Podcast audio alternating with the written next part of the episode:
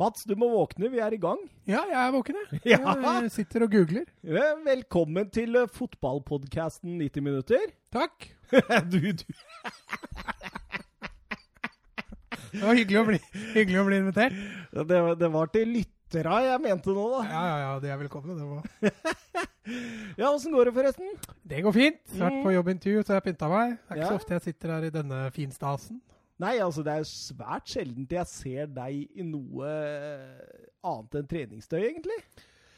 Ja, jeg trives best i treningstøy òg, så det, det, er, det er litt ubehagelig. Men jeg har ikke rukket å skifte, rett og slett. Det har vært rett fra, hjem fra jobb og intervju til fotballtreninger, og nå er, sitter jeg her, så da, da har jeg ikke fått skifta ennå, rett og slett. Ordna seg på håret har nå. Kjekk, kjekk mann. Jeg selv dro jeg på meg lue i dag. Jeg har hatt en sånn skikkelig eh, turnusfri dag, hvor jeg har eh, egentlig bare sovet lenge, slappa av, eh, gikk gjennom Tottenham-Liverpool igjen en gang til, siden det er vår hovedkamp. Du smerta deg gjennom det der en gang til? Ja, jeg gjorde det. Og da fant jeg ut at det var egentlig ikke så dårlig som det jeg så første gang. Ja, men Resultatet er jo ikke så ille heller. Eh, tape 2-1 mot Liverpool Banfield. Eh, ja, Nå avslørte jeg det, da. Håper ikke noen lyttere ble, burde hatt en spoiler alert. De som vil ha behåre spenninga til Men eh, nei, men eh, Nei, vi kommer jo tilbake til det. Men eh, Ja, men Ja. Det, det var faktisk ikke så gærent uh, som jeg tenkte da jeg så den første gang. Uh, du får et litt annet aspekt over kampen ikke sant, når du ser den andre gang. Du ja, vi liksom- snakka jo litt om det sist. Ja, og det At de henger veldig godt med i store deler av kampen, faktisk. Eh, det, det, Liverpool setter ekstremt press i sånne enkelte tider i kampen. Mm. Men det kan vi komme litt eh, tilbake til. Eh, Dette er en litt sånn spesiell episode, Mats. Fordi det sparkes jo fotball as we speak i både La Liga og Serie A. Ja, seriefotballen er en midtukerunde der. Ja, så da blir det jo liksom det som skjedde i helga da, i serierunden eh, både i La Liga og i eh, Serie A, eh, det blir litt sånn old news. Så det går vi liksom bare sånn generelt sett litt over, og så tar vi tirsdagens kamper. Ja. Eh, I Premier League og i Tyskland så sparkes det jo eh, cup. ja. Der Cup er det- cup. Ja, der er cup. Og, og da tenker jeg, da blir ikke ligafotballen old news, og der kjører vi helt normal style. Ja. Var det forståelig, tror du, eller? ja det, hvis ikke så skjønner de det vel når vi begynner å prate. Ja.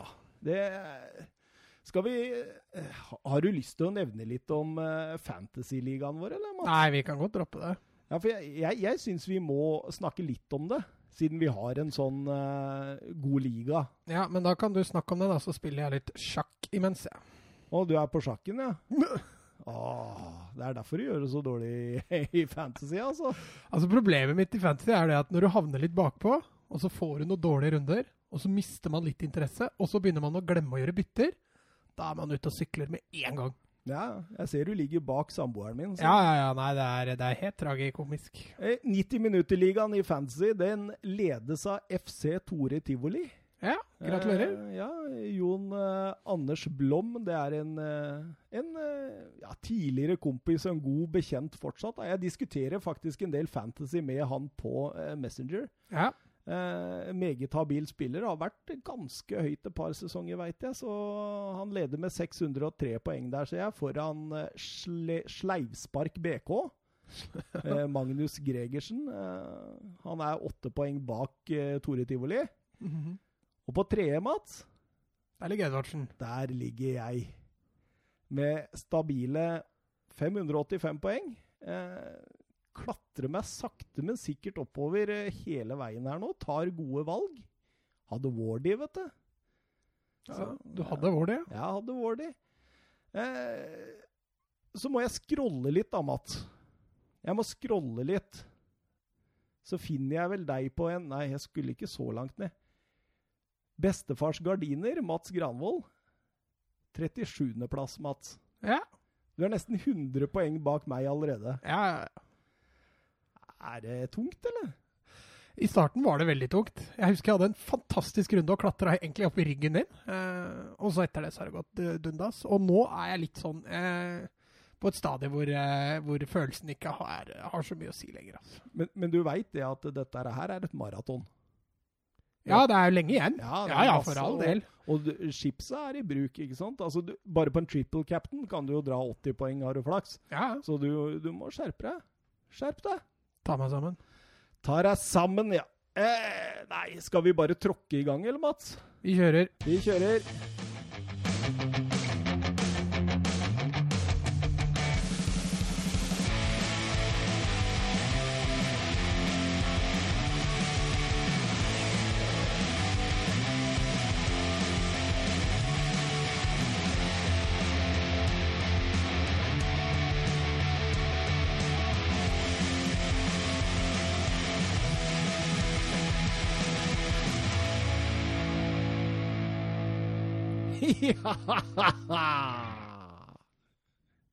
Liker du introen, eller?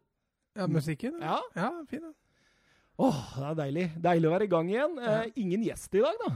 Nei, det fikk vi ikke hanka inn. Nei. Eh, jeg tror, tror, faktisk fremover nå så blir det veldig sjeldent at vi er aleine, faktisk. Så vi skal vel bare nyte stunden, tror jeg. Ja. ja uten at vi sier noe særlig mer enn det. Eh, vi begynner litt utenom det vanlige i dag. Eh, normalt sett så setter vi rett på Premier League, men uh, nå begynner vi med La Liga, Mats. Ja. Ligaen som står nærmest ditt hjerte. Ja. Det er ikke noe å si noe på det? Nei, hvis du ser bort fra Fantasy-ligaen, så er jo selvfølgelig La Liga close her. Altså. eh, vi begynner rett på et Twitter-spørsmål, faktisk. Eh, som du sikkert kjenner til, så var jo El Clásico utsatt. Ja, det var noe rabalder i Barcelona der, så de fikk ikke gjennomført det. Nei, så Da spilte jo ikke Barcelona og eh, Real Madrid eh, rundenummer Var det ti? Ja. ja. Og da skriver Sander 2CV til oss Én eh, ting slo meg i helgen. Hva hadde La Liga vært uten Barcelona og Real Madrid? Fire 1-0-kamper, og de som ikke endte 1-0, var det lite spenning over. Det bare slo meg. Hva tenker dere?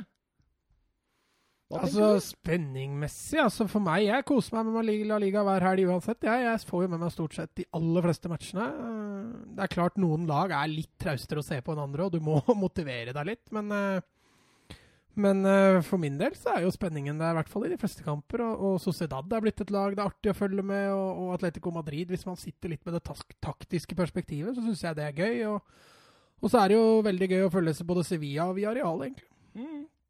Så du, du, koser deg selv om Barca og eh, Real altså, Madrid det, det var en kjempenedtur at Barcelona mot Real Madrid ikke ble spilt, for all del. Uh, men jeg kan fint sitte og kose meg med Villarreal Alaves, det er ikke noe problem, det. Ja. ja, jo, jeg ser den. Jeg ser men, den. Men, men, jeg forstår jo liksom, altså For min del, da, Premier League er jo ikke så nære mitt hjerte igjen, så hvis jeg skulle sitte og sett Everton Westham, da koser jeg meg mer med Villarreal Alaves, på en måte. da. Ja, du gjør det, ja? Jeg gjør det, altså. Ja, Du er en av de gærningene? En av de tullinga der. Men uh, hvis City og Liverpool forsvant fra Premier League, da Det hadde jo fortsatt vært Manchester United, det hadde vært Chelsea, det hadde vært eh, Tottenham, Arsenal, eh, Leicester Mange Altså, jeg, jeg, skjønner litt hva han Sander er ute etter her, fordi bak Barcelona og Real Madrid så er det jo litt sånn ikke profilløst, men det er, det er, litt gråere, da.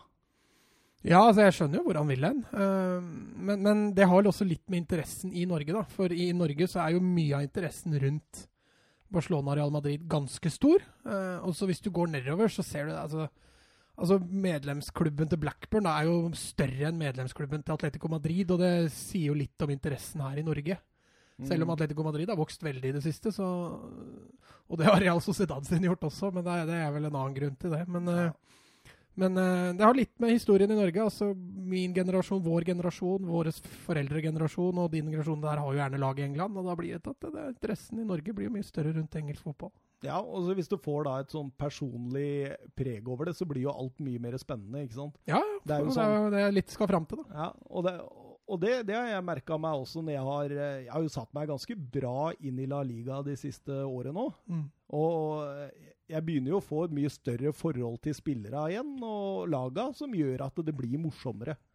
Ja, det gjør det. Du får eh, Og så er det liksom sånn I Spania da, så er det gjerne litt mer uforutsigbart enn i England. Uh, I England så, så vinner gjerne favorittene veldig ofte, mens i Spania så er det litt mer uforutsigbart. Du får gjerne noen skikkelig overraskelser, type Granada, mens i, i eh, Premier League så er den største overraskelsen er Leicester, og det, det, er igjen ikke så overraskende, på en måte. så... Nei. Det er litt mer uforutsigbart i, i, Spania, bak da selvfølgelig Barcelona, Real Madrid og Atletico Madrid. Ja. Og siden du nevner Atletico Madrid, så spilte jo de eh, i helgen eh, mot eh, Atletic og, og vant 2-0. Jeg, jeg, sa til deg rett i forkant der at eh, skal vi tippe 0-0 på denne, eller? Ja, det hadde jo vært et bra tips, det. Men uh, dette var en kamp hvor det fløyt litt for Atletico. og Bilbao var Men altså, jeg må overraske over Bilbao også. At de turte å ha så mye ball og så mye så mye possession, da, så mye kontroll. Atletico Madrid prøvde litt innimellom å bryte opp, men, eh, men, Bilbao var for gode. Men eh, de klarte ikke å skape noe stort, og Atletico vant jo fortjent til slutt. Ja, det, det Simione han har nå vunnet 15 av sine 19 kamper mot Atletico eh, Bilbao. Det er altså eh, Det er ikke noe lag han har slått oftere, da. Nei, det er et lag som passer han, tydeligvis. Tydeligvis, tydeligvis. Eh, ja Har du noe mer å si om den? Jan Oblak gjorde vel et par eh, Ja, Han hadde en redning i starten av kampen her som var helt eventyrlig. Altså det, det, var ikke så veldig hard redning, men det viser rekkevidden til Oblak der, og reaksjonsevnen. Um, ellers er det jo verdt å nevne at Morata skårer igjen, da. Ja, han hadde bra samarbeid han med Korea der, så jeg. Det stemmer. Eh, Saul Niges også. altså Atletico brenner også noen feite sjanser i den kampen. altså så Problemet til Atletico føler jeg ikke er løst, selv om de vinner 2-0. For der kunne Atletico fort ha skåra 4-5 hvis de hadde vært litt mer effektive. Mm. Eh, Celta Vigo, Real Sociedad. Det endte 0-1. En skåring av Alexander Isak eh, rett før eh, slutt. Eh, et uh, skandinavisk mål der. Ødegaard uh, trer, altså, trer igjen. Nei, altså, jeg syns han ble hylla mer enn det han fortjente, egentlig, for den assisten der. For det, den er på ingen måte ferdigskåra. Uh, han får liksom ballen litt bak seg, Isak, så han blir litt klabb og babb. og så ja, det er jo ekstremt klønete. Han Aido, han ja. der Sans, er det vel? Det? Jorge Sans? Han andre ja, ja, ja, stemmer, som stemmer. ikke klarer helt å bestemme seg for hvem som skal ta han. Og, og Ødegaard kunne jo, hvis han hadde lagt i rommet hvor Isak var på vei inn i, så hadde Isak kommet rett alene med keeper. Men Isak må liksom litt tilbake igjen og hente ballen, og så litt klapp og babb, og så skårer han. Så det var en fin avslutning. og... Ja. Men der fikk jo Celta en utvisning uh, halvveis ut i andre omgang, og etter det så, så var det mye Atle Sociedad, altså. Ja, men samtidig så er dette en av de dårligste kampene jeg har sett Sociedad offensivt. Ja, De redder seg litt inn på etter at de får den utvisninga. Ja. Eh, det blir litt mer rom for, eh, for Sociedad etter det. Og eh, jeg har jo også Jeg kom direkte til dette studio etter å ha sett uh, Sociedad i, i runde 11, mm. den som pågår nå. Uh, de tapte 2-1. Jeg syns heller ikke det var bra der. Uh, Ødegaard var litt anonym, og det offensive satt ikke helt. Nå hadde, nå hadde han uh, godeste eh, Alguacil. Han hadde rotert litt, da. Ja, han hvilte litt spillere. Men samtidig det, Nei, det kladder litt mer for Ødegaards La Real for tida. Gjør det. Granada Betis 1-0. Ja, Granada. I og med at eh, Real Madrid og Barcelona ikke spilte, så tok, eh, var Granada så frekk og freidige at de tok over serieledelsen, faktisk. det er ganske vilt, fordi når jeg ser på ligatipset vårt der nå, så eh, De lyser ned på 20.-plassen 20. der. ja, vi hadde dem helt i bånn, i likhet med mange andre, da. Ja da. Så vi, de overrasker nok flere enn bare oss, men uh, Hvor lenge holder dette, tror du? Altså Det som har vært så bra med Granada, da, er at de er så solide, eh, og spesielt på hjemmebane. Mm. Eh, så er det, virker å være ganske vanskelig å få has på, på Granada. På bortebane er det litt enklere, men, eh, men den hjemmestatistikken til Granada greier de å holde den. Så kan dette ende topp sju, kanskje til og med Europa League. Så får vi se. Jeg tror nok de sakte, men sikkert kommer til å dabbe litt av. Det spørs jo hvor lenge de greier å overraske motstanderen, sånn som de har gjort nå. Ja, eh, det jeg har sett av Granada i år, så har jeg latt meg imponere voldsomt av han eh, Maxim Gola, Gonazor, Gonasor, Golan, Golan, Gola, Gola? Hva er det han heter? Gola, go, Gola Åh! Dette røyk! Hva er det han heter igjen? Ja, men, hvem er det? Gon Gonalans? Gonalon. Ja, men det er han franskmannen, tidligere, ja. tidligere Lyon. Ja, ja. Tidligere... Han og Herrera på midten der. Mm. Jeg syns de har stålkontroll eh, i store deler. av Veldig gode til å plukke opp andre baller og distribuere videre og sånt. Jeg tror jeg sjekka han der Yangel Herrera der. Han er faktisk på utlån fra Manchester City. Ja, de har en utlåns eh, på han. og I tillegg så har jo også Vadio vært eh, positiv. Eh, og Duarte på midtstopperen har også vært meget bra. altså. Vadio, ja. Det var han Spanias Cristiano Ronaldo, det. Ja, altså han, han fikk jo et tidlig navn da når han debuterte i Betis som 16-åring. Så han, eh, han fikk navn tidlig, så han har vært kjent lenge. Men han er ikke mer enn 27 år eller noe sånt, så han eh, har fortsatt lenge. En haug av skader, er det ikke Ja da, han har vært litt skadeutsatt. Eh, uansett, da, eh, hva, tenker du om Betis? da? Blir det Kiki sett igjen nå, eller? Ja, veit du hva, det går rykter om det. Det gjør det, ja? Det gjør det. Det var, var visst noen noe, noe grupperinger i Betis-fansen som har begynt å presse litt på for det. Eh, Så får vi se. Det har ikke gått sånn Ruby har ønska det, i hvert fall. Nei, tenk han da. Så gjorde dere såpass bra med Spanjol i siste sesong, og så Ja, vi var jo inne på det, at, at han, har, han er lenge siden han har vært i en klubb mer enn én sesong. Eh, Nå ser det dessverre ut til at eh, det ikke blir noe særlig mer enn en sesong i Betis heller, så får vi se. Han må rette opp ganske mye, i hvert fall. Hva tenker du om Fikira? Altså, Han har vært veldig varierende. Enkelte kamper syns jeg han er helt strålende. Du ser potensialet hans. Mens i andre kamper, sånn som den her mot Granada, så altså, Det er en motstander som passer han svært dårlig. altså. Og da Men hvis Kiki Setien kommer nå, så er jo det også en fotball som passer han svært dårlig. Altså, da må, han- da må han jo antageligvis ned som indreløper, da. Og det, Mm. det er, jeg tror ikke, kanskje ikke han er noen sånn utprega indreløper, så Jeg tror ikke, jeg tror ikke Fikir Men han greide jo, Setien. han greide jo å omstille Lo Celso litt, da. Lo Celso var jo mer en sånn kanttype når han kom, men han ble jo en glimrende indreløper under 71, så kan Ja. hende han greier det. Eh, videre, Sevilla Getafe, der eh, det endte med 2-0 til Sevilla. Eh, Burde vært mye mer. ja, burde vært mye, mye mer. Syns Lopetegi viser der at han mener alvor. Ja, Getafe har jo også vært veldig varierende. og litt, Jeg vil jo skylde litt på det Europacup-viruset for Getafe sin del. De har gjort det greit i Europa League, men uh, varierer veldig i La Liga. altså. Ja. Eh, han eh, Chicharito, han skårer mål. Ja, han skåra nå. Han har ikke gjort så veldig mange mål så langt i Sevilla, annet enn i Europa League. har Han jo skåra lite grann, men, eh, men eh, han fikk eh, prøve seg igjen nå på bekostning av Luke de Jong. Selv om Luke de Jong skåra sitt aller første mål for to runder siden, så, så fikk Chicharito sjansen igjen. Har han ikke skåret fire på fem eller noe sånt nå? Jeg tror det er det. Ja, i Europa League også. Hvis du tar med Europa ja. League, ja. ja. Da er jeg enig. Og Campos, da. Lucas og Campos.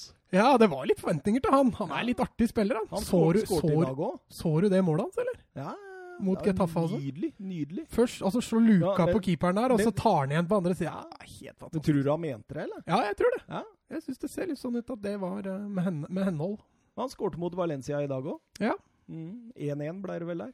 Ja. Så de dro fire poeng nå da på kort tid, eh, Sevilla. Det, det, det lover bra. ja, det var riktignok to hjemmekamper, da, mot, men det var jo mot to lag som også skal kjempe om europaplassen i år, så det Var var det, var det hjemme mot Valencia? Er du sikker på det, eller? Ja, det er mulig jeg surrer. ja, det, det kan godt hende jeg surrer òg. Eh, Nei, det var ikke det. Det var på Mestalla. Ja, Ja, det var det, ja. Det var helt rett. Ja. Da var det enda bedre, faktisk. det var enda bedre. Ja, det var enda bedre. Osasona mot Valencia 3-1. Eh, Ja, Det blir jo veldig ødelagt, den kampen, Valencia sin del. Jeg syns de har stålkontroll i de 19 minuttene hvor de er 11 mot 11. Tar ledelsen oppskriftsmessig, og så får de Rodrigo utvist, og da Da maler Osasona dem rett og slett i senk med den løpefotballen de driver med. tredje kampen på rad. Valencia får et rødt kort. Ja, litt disiplinærproblemer der. Det, er det et speilbilde på hvordan eh, klubben har blitt drevet nå, eller er det litt sånn frustrasjon ute og går? Altså, I spillergruppa har det jo vært litt frustrasjon, men, men det virker jo som, eh, som eh, spillere er litt bak Celades nå. At de, de er litt fornøyd med treneren. Og da, da er det nok ikke noe sånn utprega, utprega misnøye, tror jeg. Men det er klart de er, fansen og spillere er nok veldig misfornøyde med ledelsen i klubben. altså. Ja. Eh, hørte at han uh, Alemeni var rykta til eh, Barcelona. Ja, Barcelona var litt ute etter han. Oi, oi, oi. Vi ser de trenger en ny sportsdirektør. Ja. Eh, Osasona har gjort El Sadar til et fort. Har nå 30 kamper uten tap på hjemmebanen sin. Ja, nå skal det sies at noen av dem var i sekunda i fjor, da. Ja da, 25 av dem i sekunda. Det var 21 seier og 4 uavgjort. Og så har de eh, fem kamper eh, hjemme i La Liga. Eh, to seier og tre uavgjort. Og da har de møtt lag som Valencia nå, da, og Barcelona. Ja da. Men det sa vi også før sesongen, at Osasuna er et meget godt hjemmelag. I går da, Mats. I går så spilte Alaves mot Atletico Madrid. Vi var så vidt inne på at Atletico Madrid vant 2-0 eh, i helgen. Ja. Denne gangen ble det 1-1. Ja, den var litt tilbake igjen. Altså, det som har vært litt abrum med Atletico Madrid, da, er det, for det første er jo å sette sjansene sine. Nå hadde de ikke så mange mot Alaves, syns jeg, men, eh, men eh, der de Alaves står bra defensivt. Ja, de gjør det. Uh, også, men der Atletico har vært enda litt skuffende i år, er jo det at når de først har tatt ledelsen, så slipper de allikevel inn uh, mål, og da Ja, nei, jeg tror Atletico må, må, få opp dampen og skjerpe seg litt i det defensive når de tar ledelsen. fordi de åra, eller de siste åra til Simione, så har de vært ekstremt dyktige på akkurat det. da, Drepe kampen etter at de tar mm. ledelsen. Uh, du så det hjemme mot Valencia. Slipper til et billig frispark. Får 1-1 uh, der, og nå mot Alaves riktignok en fantastisk prestasjon av Lucas Perez der, men ikke sånn Atletico vi husker de siste åra. Ja, for et mål ja, av Lucas Perez.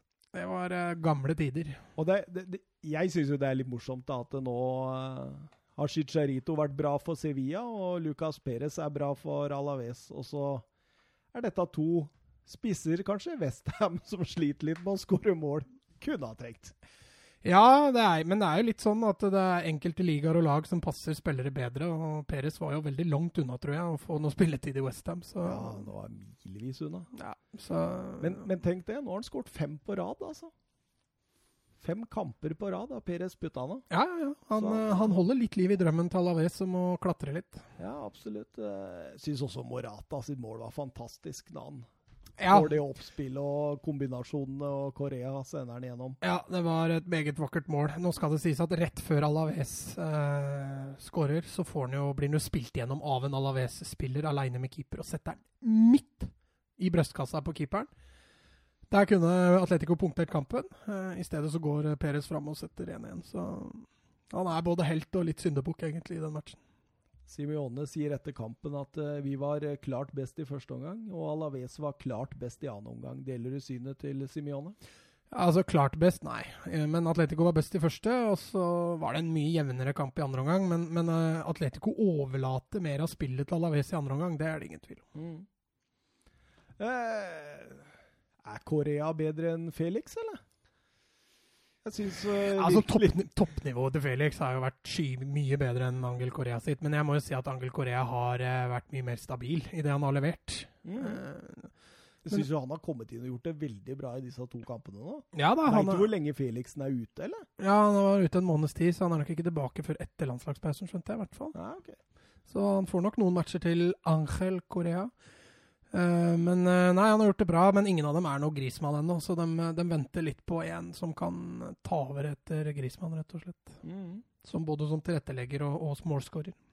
Ja, du ser jo den midtbanen der. Det er mye ja, det jeg kaller flat midtbane. Det er, det, det, er, eh, det, er, det er, mye like typer, og, og, litt sånn med defensive fibre. Mm. Så de trenger en sånn som kan stå litt opp og eh, tilrettelegge og være litt playmakere. Det er helt riktig. Ja.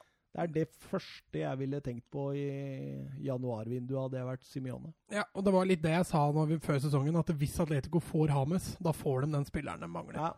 Uh, nå fikk de aldri Hames, de fikk jo aldri solgt Angel Korea heller. Nå kan de kanskje være glad for det, men men det mangler litt den offensive midtbanetypen. I hvert fall når Felixen er så ujevn og skada som han er nå. Hørte du, hørte du det, eller? Jeg hørte det.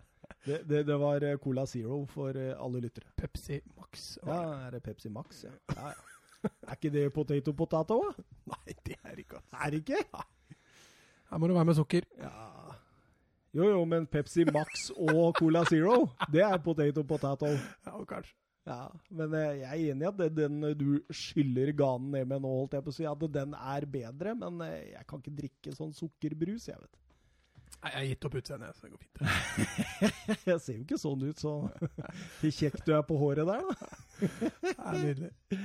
Eh, videre Barcelona, Real Valladolid. Eh, den, Den gikk sånn rett etter Atletico-kampen, så det var deilig å bare tune videre inn på den. Ja, han gjorde det. Det var uh, overlapp, det.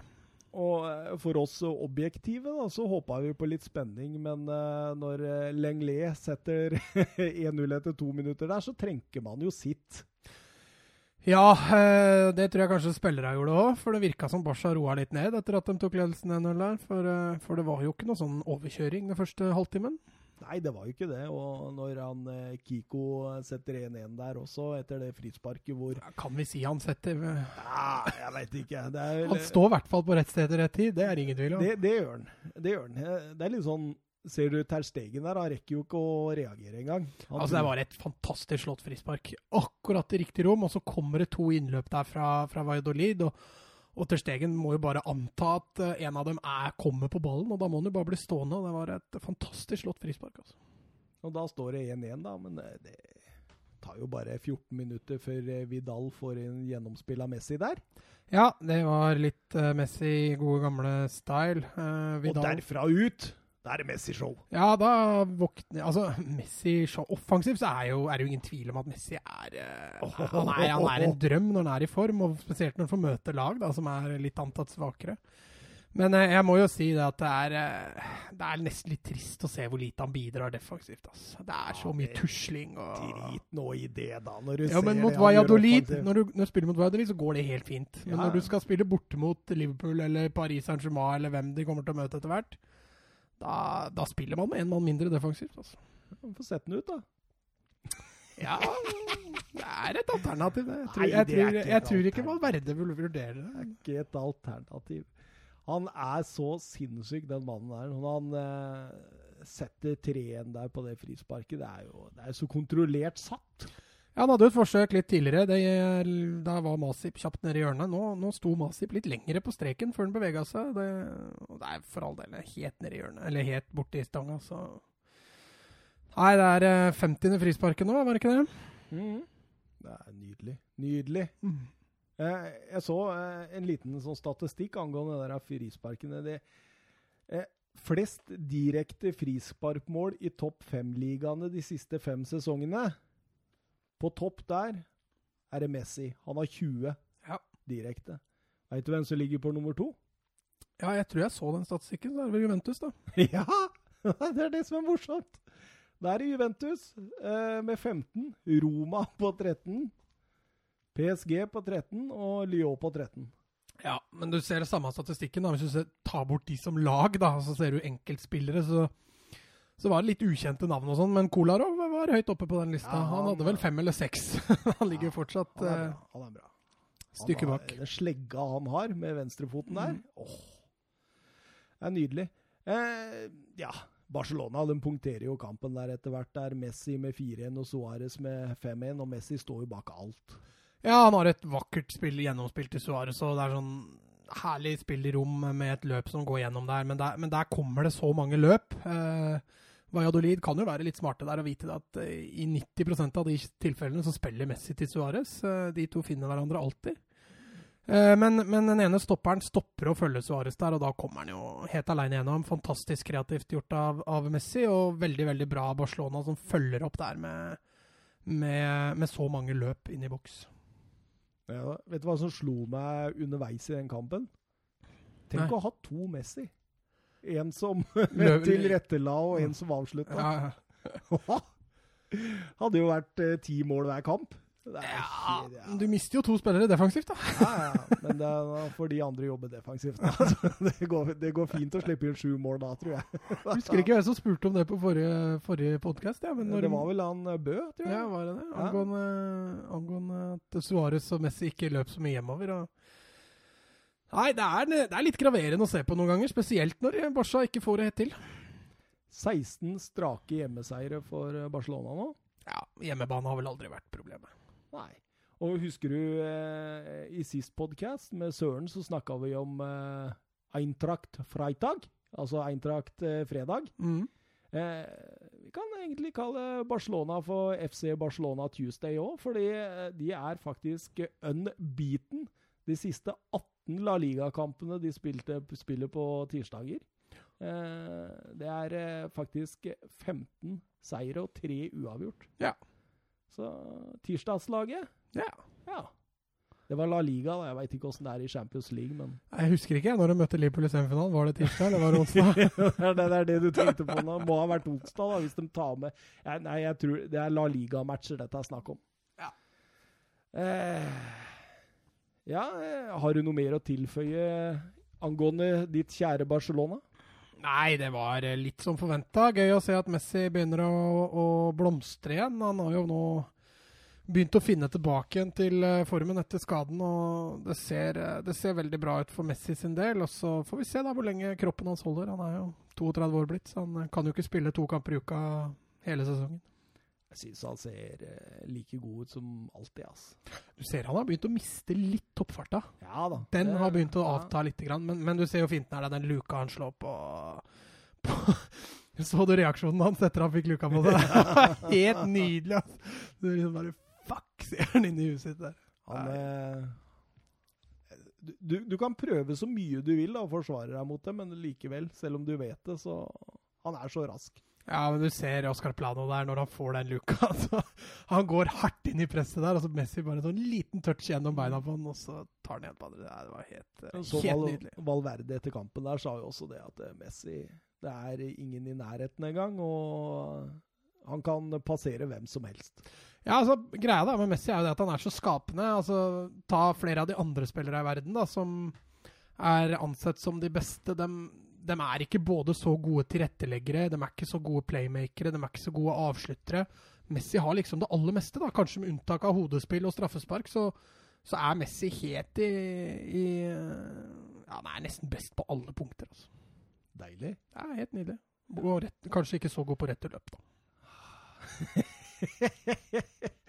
du, du hefter deg med det der. Ja, fordi jeg vet, men Hvorfor jeg hefter meg med det, er jo fordi at jeg har lyst, selvfølgelig lyst til at Barcelona skal hevde seg litt i Champions League igjen. Og det nytter ikke å vinne Champions League hvis du skal forsvare deg med ti mann. Du Nei. kommer ikke til å klare det. Nei, ikke når du møter dette maskineriet fra Mercyside og diverse. Ja, altså Det maskineriet altså Nå har klart det alliansemaskineriet oppe i München der har tapt seg litt, men det også på sitt beste vet du, er jo helt håpløst hvis du skal forsvare med ti mann. Juventus, hvis de skulle begynne, og Inter, ikke minst. altså det... Ja, Nei, det er så mye gode lag der at, eh, at de må finne en løsning på hvordan de skal forsvare seg med ti mann hvis de skal gjøre det sånn. ja. Men det er klart, med Messi på banen, så er det jo nesten garantert scoring i hver match. da. Ja, du er jo det, ikke sant. Jeg, jeg så jo også en, Jeg hadde en statistikk på det også, som så at han har 608 Barcelona-mål på 695 kamper. Det er Mm. nesten en mål i snitt, det. Ja. Eh, 423 mål på 457 La Liga-kamper, og det er 170 kamper hvor han har skåret to mål eller flere. Ja. Så det er, jo, det er jo nesten garantert et mål. Ja, han uh, står jo for uh, ekstremt mye, og så tar du med assisten i tillegg, da, så er han jo på så er han jo målpoeng i snitt uh, over én per kamp. Skal vi dure litt videre til Serie A? Eh, vi tar den som vi gjorde med La Liga. Mhm. Går raskt igjennom eh, helgas runde og, tar, og kikker litt på Inter, som spilte i går. Ja. Eh, vi begynner med Lecce mot Juventus. Eh, skuffende, altså. Ja, eh, det var det. Inne i Lecce ga, ga Inter en utstrakt hånd her og sa vær så god, nå kan dere få lov å prøve dere. Juventus skuffer litt igjen, egentlig. Eh, nå fikk de faktisk ikke den siste goalen som de har fått i de siste kampene, som har gjort at de har fått tre poeng. Lecce sto av den lille stormen som var, og Juventus gikk på et litt overraskende poengtap der. Ronaldo ble vilt.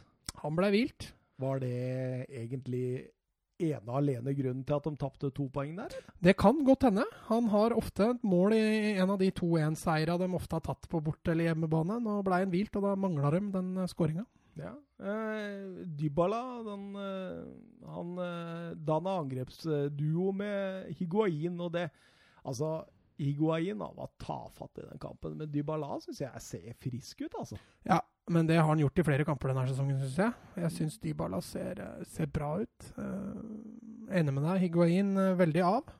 Bernadeschi tidvis veldig usynlig. Ja, han var dårlig. Han var dårlig, altså. Å, han var dårlig. Og Pjanic, han også ble jo bytta ut, og da Ja. Mm. Nei, jeg Sorry, der kunne du ha mista serieledelsen din. Du, han kunne det hvis det Inter ja, for de, snu, altså de møtte kanskje et litt bedre lag, da det skal sies Inter, men, eh, men de snubla minst like mye, i og med at Inter hadde hjemmebane.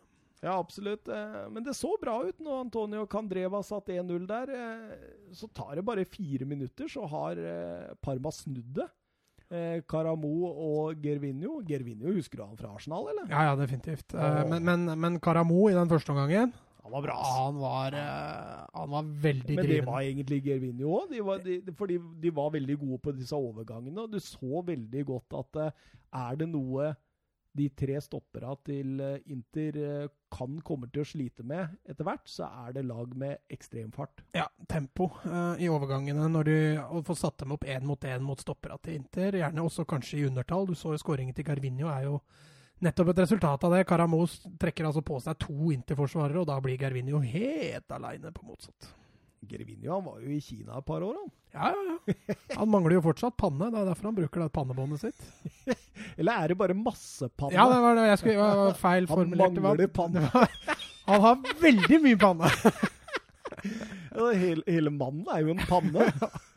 Det er helt vilt. Og så når hårfestet er Altså, Hårfestet hans er jo så langt bak. Ja, det begynner jo der jeg har måned. Ja, det eh, Marcelo Brosevic, hva sier du om han? Fytti rakkeren for en kamp han eh, klarte å prestere i den gang. Han, han så rett og, og, det tenkte jeg på når jeg så den kampen der. At eh, her eh, Konto må jo ha vært fly forbanna etter kampen, for dette her var altså- jo liksom virkelig det som liksom Det står så langt unna kontofotball som det går an å komme, da. Altså, Vi har skrytt av Brozovic, Barella og Sensi. Det er de tre som har fått mye skryt av oss denne eh, sesongen så langt. Eh, nå mangler de Sensi. Brozovic spilte langt under pari. Barella litt sånn usynlig i perioder av kampen, og da, da sliter jo dette interlaget åpenbart uh, mye, mye mer. Eh, nå skal det også sies at eh, Martinez syns jeg er bra. Altså. Han er skapende. Ja, Lukaku òg. Ja, ja, ja, men de to sammen fungerer såpass bra sammen. Mm. Så Lukaku om, satt jo 2-2 der. Ja, ja, det er litt det jeg skulle fram til. At selv om de tre på midten ikke funka, så har de enkeltmannsspillere der framme som kan avgjøre det for dem. da.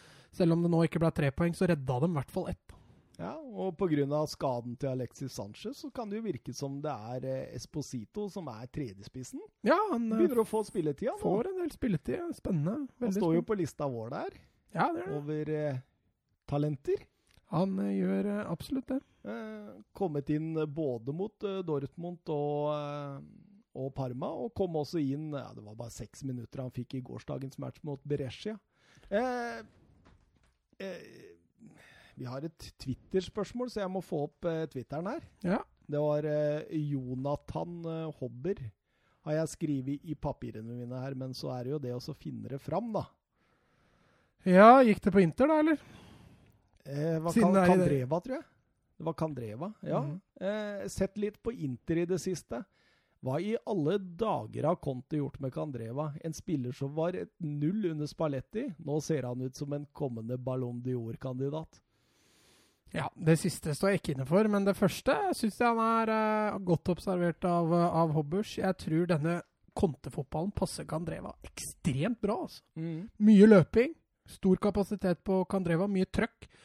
Uh, han ser jo ut som en ja, Om ikke en Ballon d'Or-vinner, så, så, har nok interessen også for Kandreva økt litt, uh, økt litt denne sesongen. Det har vært fantastisk. Det har vært fantastisk, Men jeg, jeg tror det handler om at uh, Spalletti spiller en firer bak. Ja. Og som du er inne på, da, den kontofotballen som en wingback mm. passer Kandreva helt utmerket. Da får han litt mer frie tøyler til å gå framover ser ofte at Skrinjar eh, dekker rommet baken, sånn at han har litt uh, ganske frie tøyler, faktisk. Ja. Så jeg tenker at det der, der er liksom hånd i hanske, da. Kandreva og Konto. Og det er derfor Kandreva har fått den oppsvingen han har fått denne sesongen. Mm. Eh, vi kan også nevne det at Lukaku han eh, er den første spilleren til å skåre seks mål på sine første ni i Serie A eh, for Inter siden Diego Melito i 2009. Eh, Så det tyder jo på en god start. Absolutt. Eh, videre Atalanta mot Udinese, Mats. Det blei kamp. Det blei Gasperini-fotball 7-1. Ja, det blei litt fantasitall. Vi fikk jo et par sånne matcher i både Premier League og Serie A. Eh, Atalanta sto jo for eh, maktdemonstrasjonen i, i Italia, i hvert fall.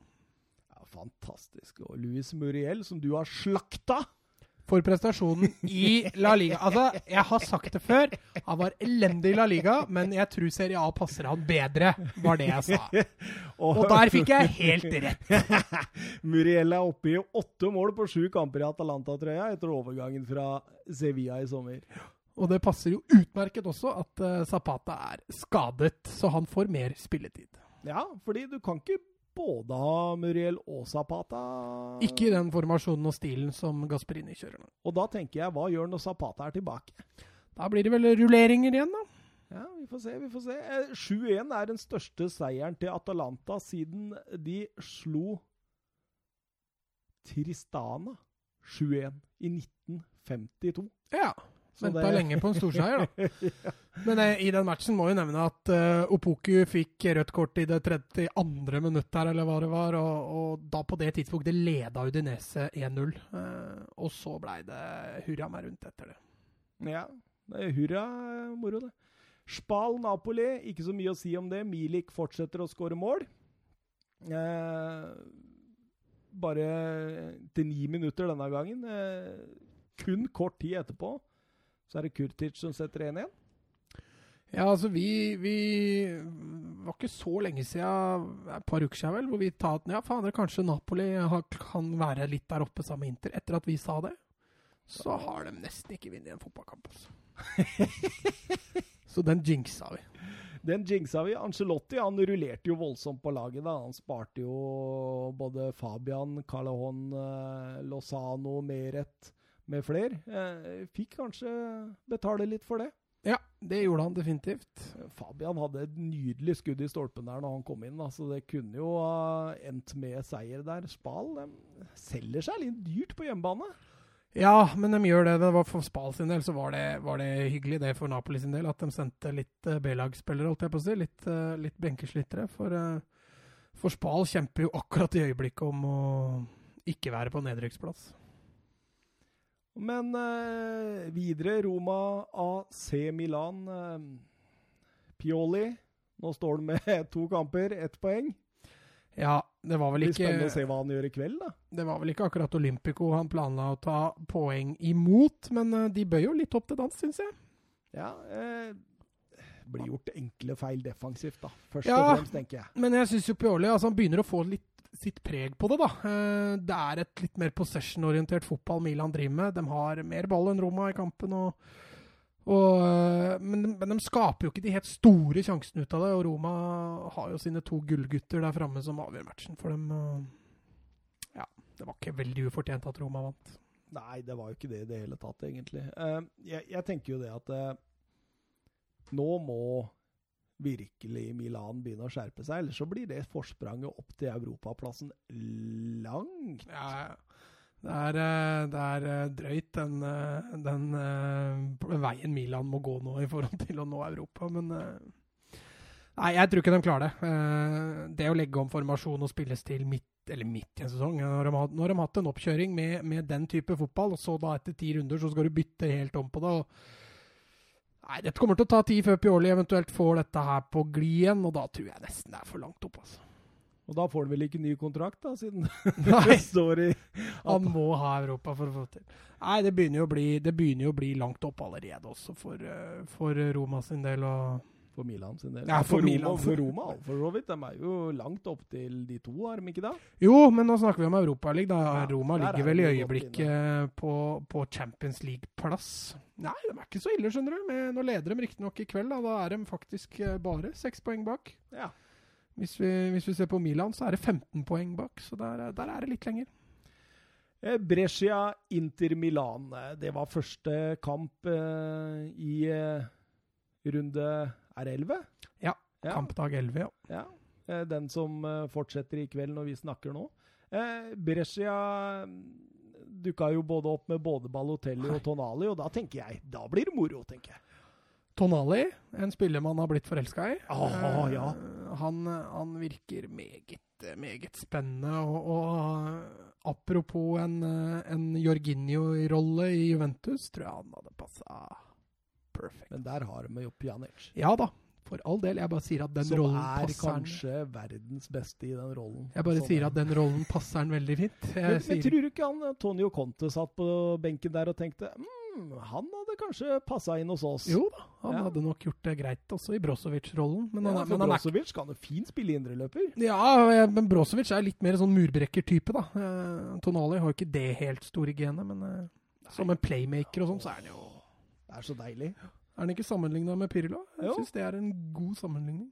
Virkelig. Eh, Inter tar ledelsen med Lautero Martinez, som har vært fantastisk. Eh, Ja, litt flaks, det målet der, da. spretter i en forsvarer over mål. Over Altså, den, buen, den buen er høy. Eh, han skyter jo fra 25 meter der, og så treffer han eh, motspiller, og den ballen går ganske høyt før den daler ned bak keeperen. Mm. Eh, Lukaku, fantastisk Ja, var, eh, 0-2-mål. eh, Litt sånn Everton-tida. Ja, det er power og Ja. vilje og trøkk, i tillegg til at er, han treffer jo bra der, da. krummer nakken og bare smeller den inn i lengste der. Og Brescia, som for all del kanskje kunne fortjent poeng her Det er gøy å se Balotelli, altså. ja, Han hadde en to-tre store sjanser, altså. Ja, det ene langskuddet der hvor keeperen er akkurat får fista han utafor der. eh. Nei, han ser litt lettere ut, gjør han ikke det? Jo, han gjør det. Han Altså, Nå så jeg ikke så mye av tida hans fra NIS, men uh, fra det jeg husker han fra Premier League, altså, da var han jo helt natta på slutten. Og nå så han jo litt mer toneangivende ut. han gjør det. Han ser litt sånn, sånn typisk eh, Balotelli tidlig Premier League-stadie. Ja, Litt sånn eh, med smilet på lur, og Mm. jeg, jeg digger det. Altså, Brescia med Balotelli har jo blitt nesten litt sånn som jeg heller setter meg ned og ser på. ja. Så det er litt gøy, og særlig Det gjør ikke noe at uh, Tonali Nei, det var akkurat det jeg skulle fram til. Du har Balotelli som entertainer, og så har du Tonali som, uh, som bidrar med flair, så det, det er bra. Eh, Lukaku og La- Lautaro Martinez nå, begge er vel over fem mål så langt. Eh, finner eh, ve veldig god duo. Ja, og den passer hverandre bra. Og Lukaku som kan jage litt fram. eh, Martinez som kan møte litt dypt. Eh, der, har, eh, der har Conte funnet eh, spissduoen sin. Alexis Sanchez tror jeg ikke får spille så mye der men når, de, når de skal hvile. Esposito. Eh, ja, samme med han. Eh, men det er litt andre grunner. Ja, 17 år, det Ja, det er jo ikke bare å kaste den inn her, men han er jo åpenbart god nok til at Conte bruker han nå som et reservealternativ for de to. Skal vi over til uh, Premier League? Premier League. Southampton-Lester på fredag kveld. ja det- 0-9, Mats! Ja, det var vel tangering av den største seieren i Premier League. Ja. Eh, 9-0 i Premier League-sammenheng. det har ikke skjedd siden eh, mars 1995, da Manchester United med en Andy Cole i storslag skårte fem mål. Mot Ipswich. Ipswich, ja. Ja, dette var jo kanskje en større prestasjon, i og med at det var på bortebane. Men det skal vel sies at Southampton spilte jo nesten hele kampen med en mann mindre. ja. Fordi eh, Det fikk faktisk betydning. Også. Vi skal snakke litt VAR etterpå. Vi har fått en bøttevis med spørsmål om VAR. Mm. Men eh, dette var litt noen ny VAR-tilnærming. Ja, altså vi hylla jo VAR for en rød tråd, selv om den røde tråden var plassert veldig langt borte.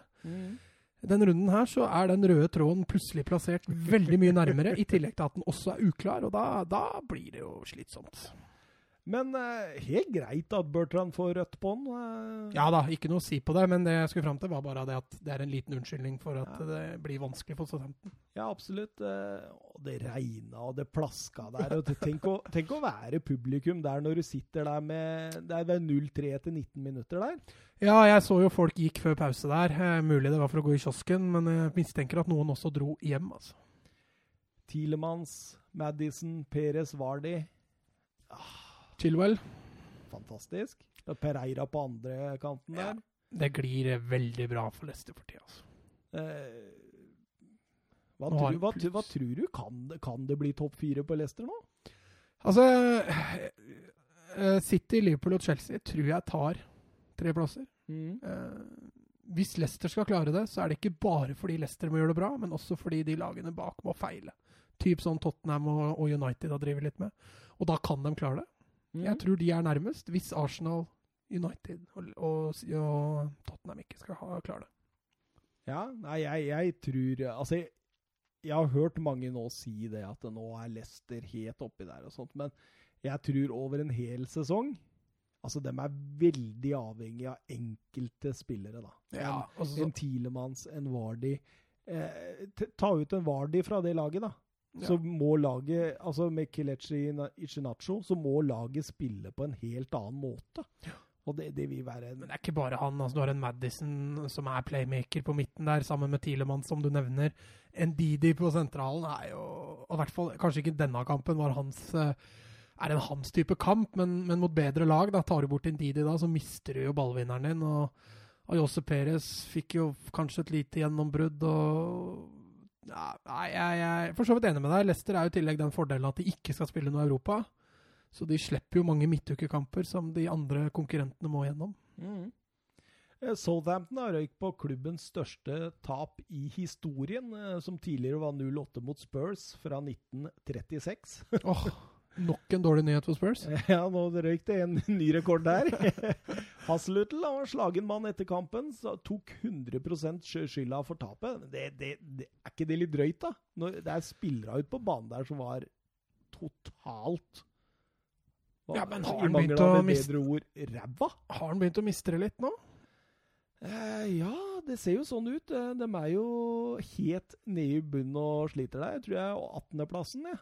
Eh, Ja, det, det stemmer. Uh, nei, altså jeg syns Southampton har vært litt svake i år. Uh, toppa seg litt med den kampen her. Det Eh, neste er City borte, tror jeg. ja, det, ja, men hun spilte jo mot City i dag, i ligacupen. Uh, ja, stemmer Nei, i går var det. I går 3-1-tap. Møter de dem i Premier League òg? Mm. Nei, det er tøff, tøff periode nå for Southampton. De ligger, de ligger nå på nedrykk og, og har ikke vunnet på de fem siste kampene. Og, nei, jeg syns det ser litt tynt ut. Og når Hasselhutl står der og tar på seg 100% av skylda, så, så er jeg enig med deg. Det er jo ikke han som er ute på banen der og løper, selv om han kanskje kunne ha gjort om litt på gameplanen når de får en tidlig mann utvist der, og heller tenke å begrense framfor å underholde. Jaman Ginas i BBC-studio der, han, eh, han var ganske klar på det. Dette er spillernes skyld. Ja. Ene og alene. Er tar bare på seg skylda fordi han er en god leder. Mm. Eh, Southampton spillere og støtteapparat de valgte å donere bort hele fredagens lønn til eh, Southampton, eller The Saints Foundation. Ja. Eh, Lurt. Ja, eneste riktige, spør du meg. Veldig lurt. Så det er eh, Saints Foundation, som er en stiftelse som jobber for eh, barn og unge som sliter litt i hverdagen. Så det Ja. er jo veldig ålreit. Skal vi videre til eh, Manchester City Aston Villa, eller? Ja. Eh, tok en omgang før eh, de fikk hull på bilen. Og da Det gjorde det. det å renne litt inn. Ja, jeg må jo si Villa gjorde det bra. Selv på 1-0 til City så var det ikke sånn at Villa la seg. De, de fortsatte å prøve, og så kom det to kjappe midt i omgangen der som, som drepte moralen til Villa. Og da roa vel City det litt ned også. Men det sa jo også Dean Smith uh, før kampen, at uh, vi er her for å spille fotball. Vi er her for å spille Aston Villa-Way. Mhm. uh, vi kommer til å presse høyt og eh, ikke ta hensyn. Og ja, eh, men, men samtidig, altså, dette City-laget det maler og maler og maler, og det maler jo Aston Villa til å ligge lavt til slutt. Ja, Og da, da Altså City er for gode eh, til at Villa greier å stå opp og, og presse høyt mot et City-lag i 90 minutter. Det, det er fysisk umulig. Uh, og det, det får Villa litt smertelig erfare utover omgangen. Og så er de litt uheldige med 2-0 der òg, fordi uh, Kevin De Brøne slår jo inn et frispark uh, knallhardt inn foran. Hvis David Silva er på den, så er Stirling i offside. Mm. Men VAR ser ikke at David Silva er på den. Eh, I ettertid så blir David Silva kreditert skåringen. Ja, ja. Noe som sier at Stirling hadde vært i offside, og det burde vært annullert. Mm. Eh, jeg så eh, pressekonferansen etter kampen der, og det var litt artig, fordi Guardiola han eh, er ganske lei i VAR-spørsmål nå. Han, han sa Hør her. Alle managere får spørsmål om VAR. Men vi er managere. Snakk med dommere eller de som har laga systemet, sa han. Før han liksom på, tok mikrofonen inntil og sa 'VAR!' til stor latter fra, fra salen. Ja, han tar det litt med galgenhumor, og det er klart det er lettere å gjøre det når du har vunnet 3-0, men, uh, men, jeg er helt enig med deg. Det er merkelig. Det var en merkelig avgjørelse. Eh, ja, hva tror Altså, jeg sliter litt med å se at City er bedre enn i fjor, jeg, da. Nei, jeg syns ikke de er det i det hele tatt. Jeg. Nei. Eh, Særlig defensivt. De er, ja, men altså, Det mangler jo spillere på stoppeplass. da, Det Fernandinho gjør et 87 minutter der. Det er så klønete rødt kort. Du skulle tro han var 18 år gammel, Fernandinho. Det er så urutinert. og og da er han jo suspendert i neste kamp, og stoppeproblemene til City bare topper seg videre. Eh, men jeg er helt enig med deg. City ser ikke nevneverdig bedre ut enn i fjor. Eh, så får vi jo se, da. Mm. Eh, videre Brighton mot Everton. Eh, for et oppgjør. For en kamp, rett og slett, det var. Eh, jeg var litt usikker på om jeg skulle ta med den. Eh, Everton har vel ikke vist nok. og i hvert fall ikke Brighton til at vi liksom på en måte har en standard for å gå gjennom det. Men eh, samtidig, når kampen var som kampen ble, så, så må vi snakke litt om den. Eh, totalt sett en jevnspilt kamp, eh, men dommer og VAR gjør jo ting ekstremt vanskelig for Everton, da.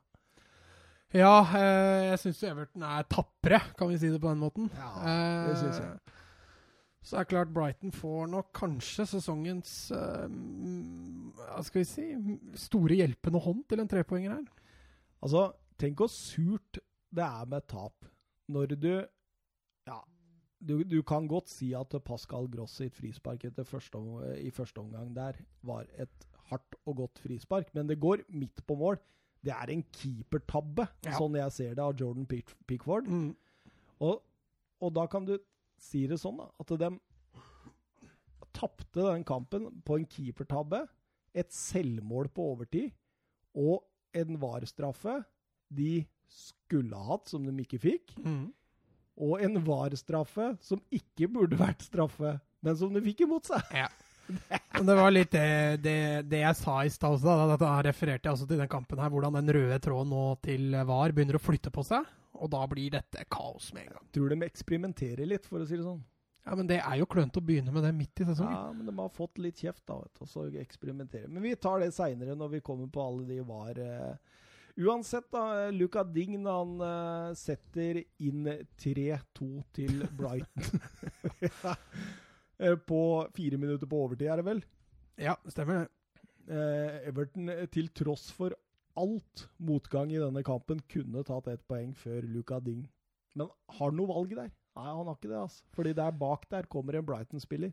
Ja, men uh, altså, det jeg også tenker Nei, de rekker jo ikke å tenke sånn. Men, men, veldig ofte det å late som du tar ballen, men lar den gå videre, så blir ofte han som kommer bak, satt ut.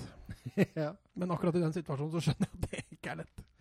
Eh, vi går over til eh, Burnley mot eh, Chelsea, vi. Eh, også en målrik og spennende kamp. Jeg har et par Twitter-spørsmål der, Mats. Mm -hmm. Jørgen Be Ready Nystuen. Er Lampard en bedre manager enn Sarri? På få måneder har han bedret Chelsea merkbart. Og det uten Eden Hazard. Stort sett også uten Ngolo Kanté, Rudiger og Loftus Schick. Er den bedre enn Sarri? Han har åpenbart eh, passa bedre inn i den Chelsea-starten her. Nå er det jo veldig tidlig å konkludere, men, uh, men det Lampard nå er i ferd med å gjøre, så har jeg sagt det lenge egentlig, at uh, det tror jeg er en veldig veldig bra match. Men at han skulle få en så flying start som han nå er i ferd med å få, det, det hadde jeg faktisk ikke trodd. Nei, du hadde ikke det? da? Men, men til spørsmålet, altså bedre manager er veldig vanskelig å svare på. altså. Ja, det, det, det, er jo vanskelig. Det er jo alltid for, forskjellige forutsetninger og litt sånt. Altså, jeg, jeg, tenker jo det at det, Lampard kommer jo egentlig til litt sånn eh, Du har alt å vinne, ingenting å tape. Ikke sant? Og, og, det er en deilig følelse å gå inn i en sånn jobb med. Det er en sånn følelse tror jeg ingen andre managere har hatt i en storklubb noen gang.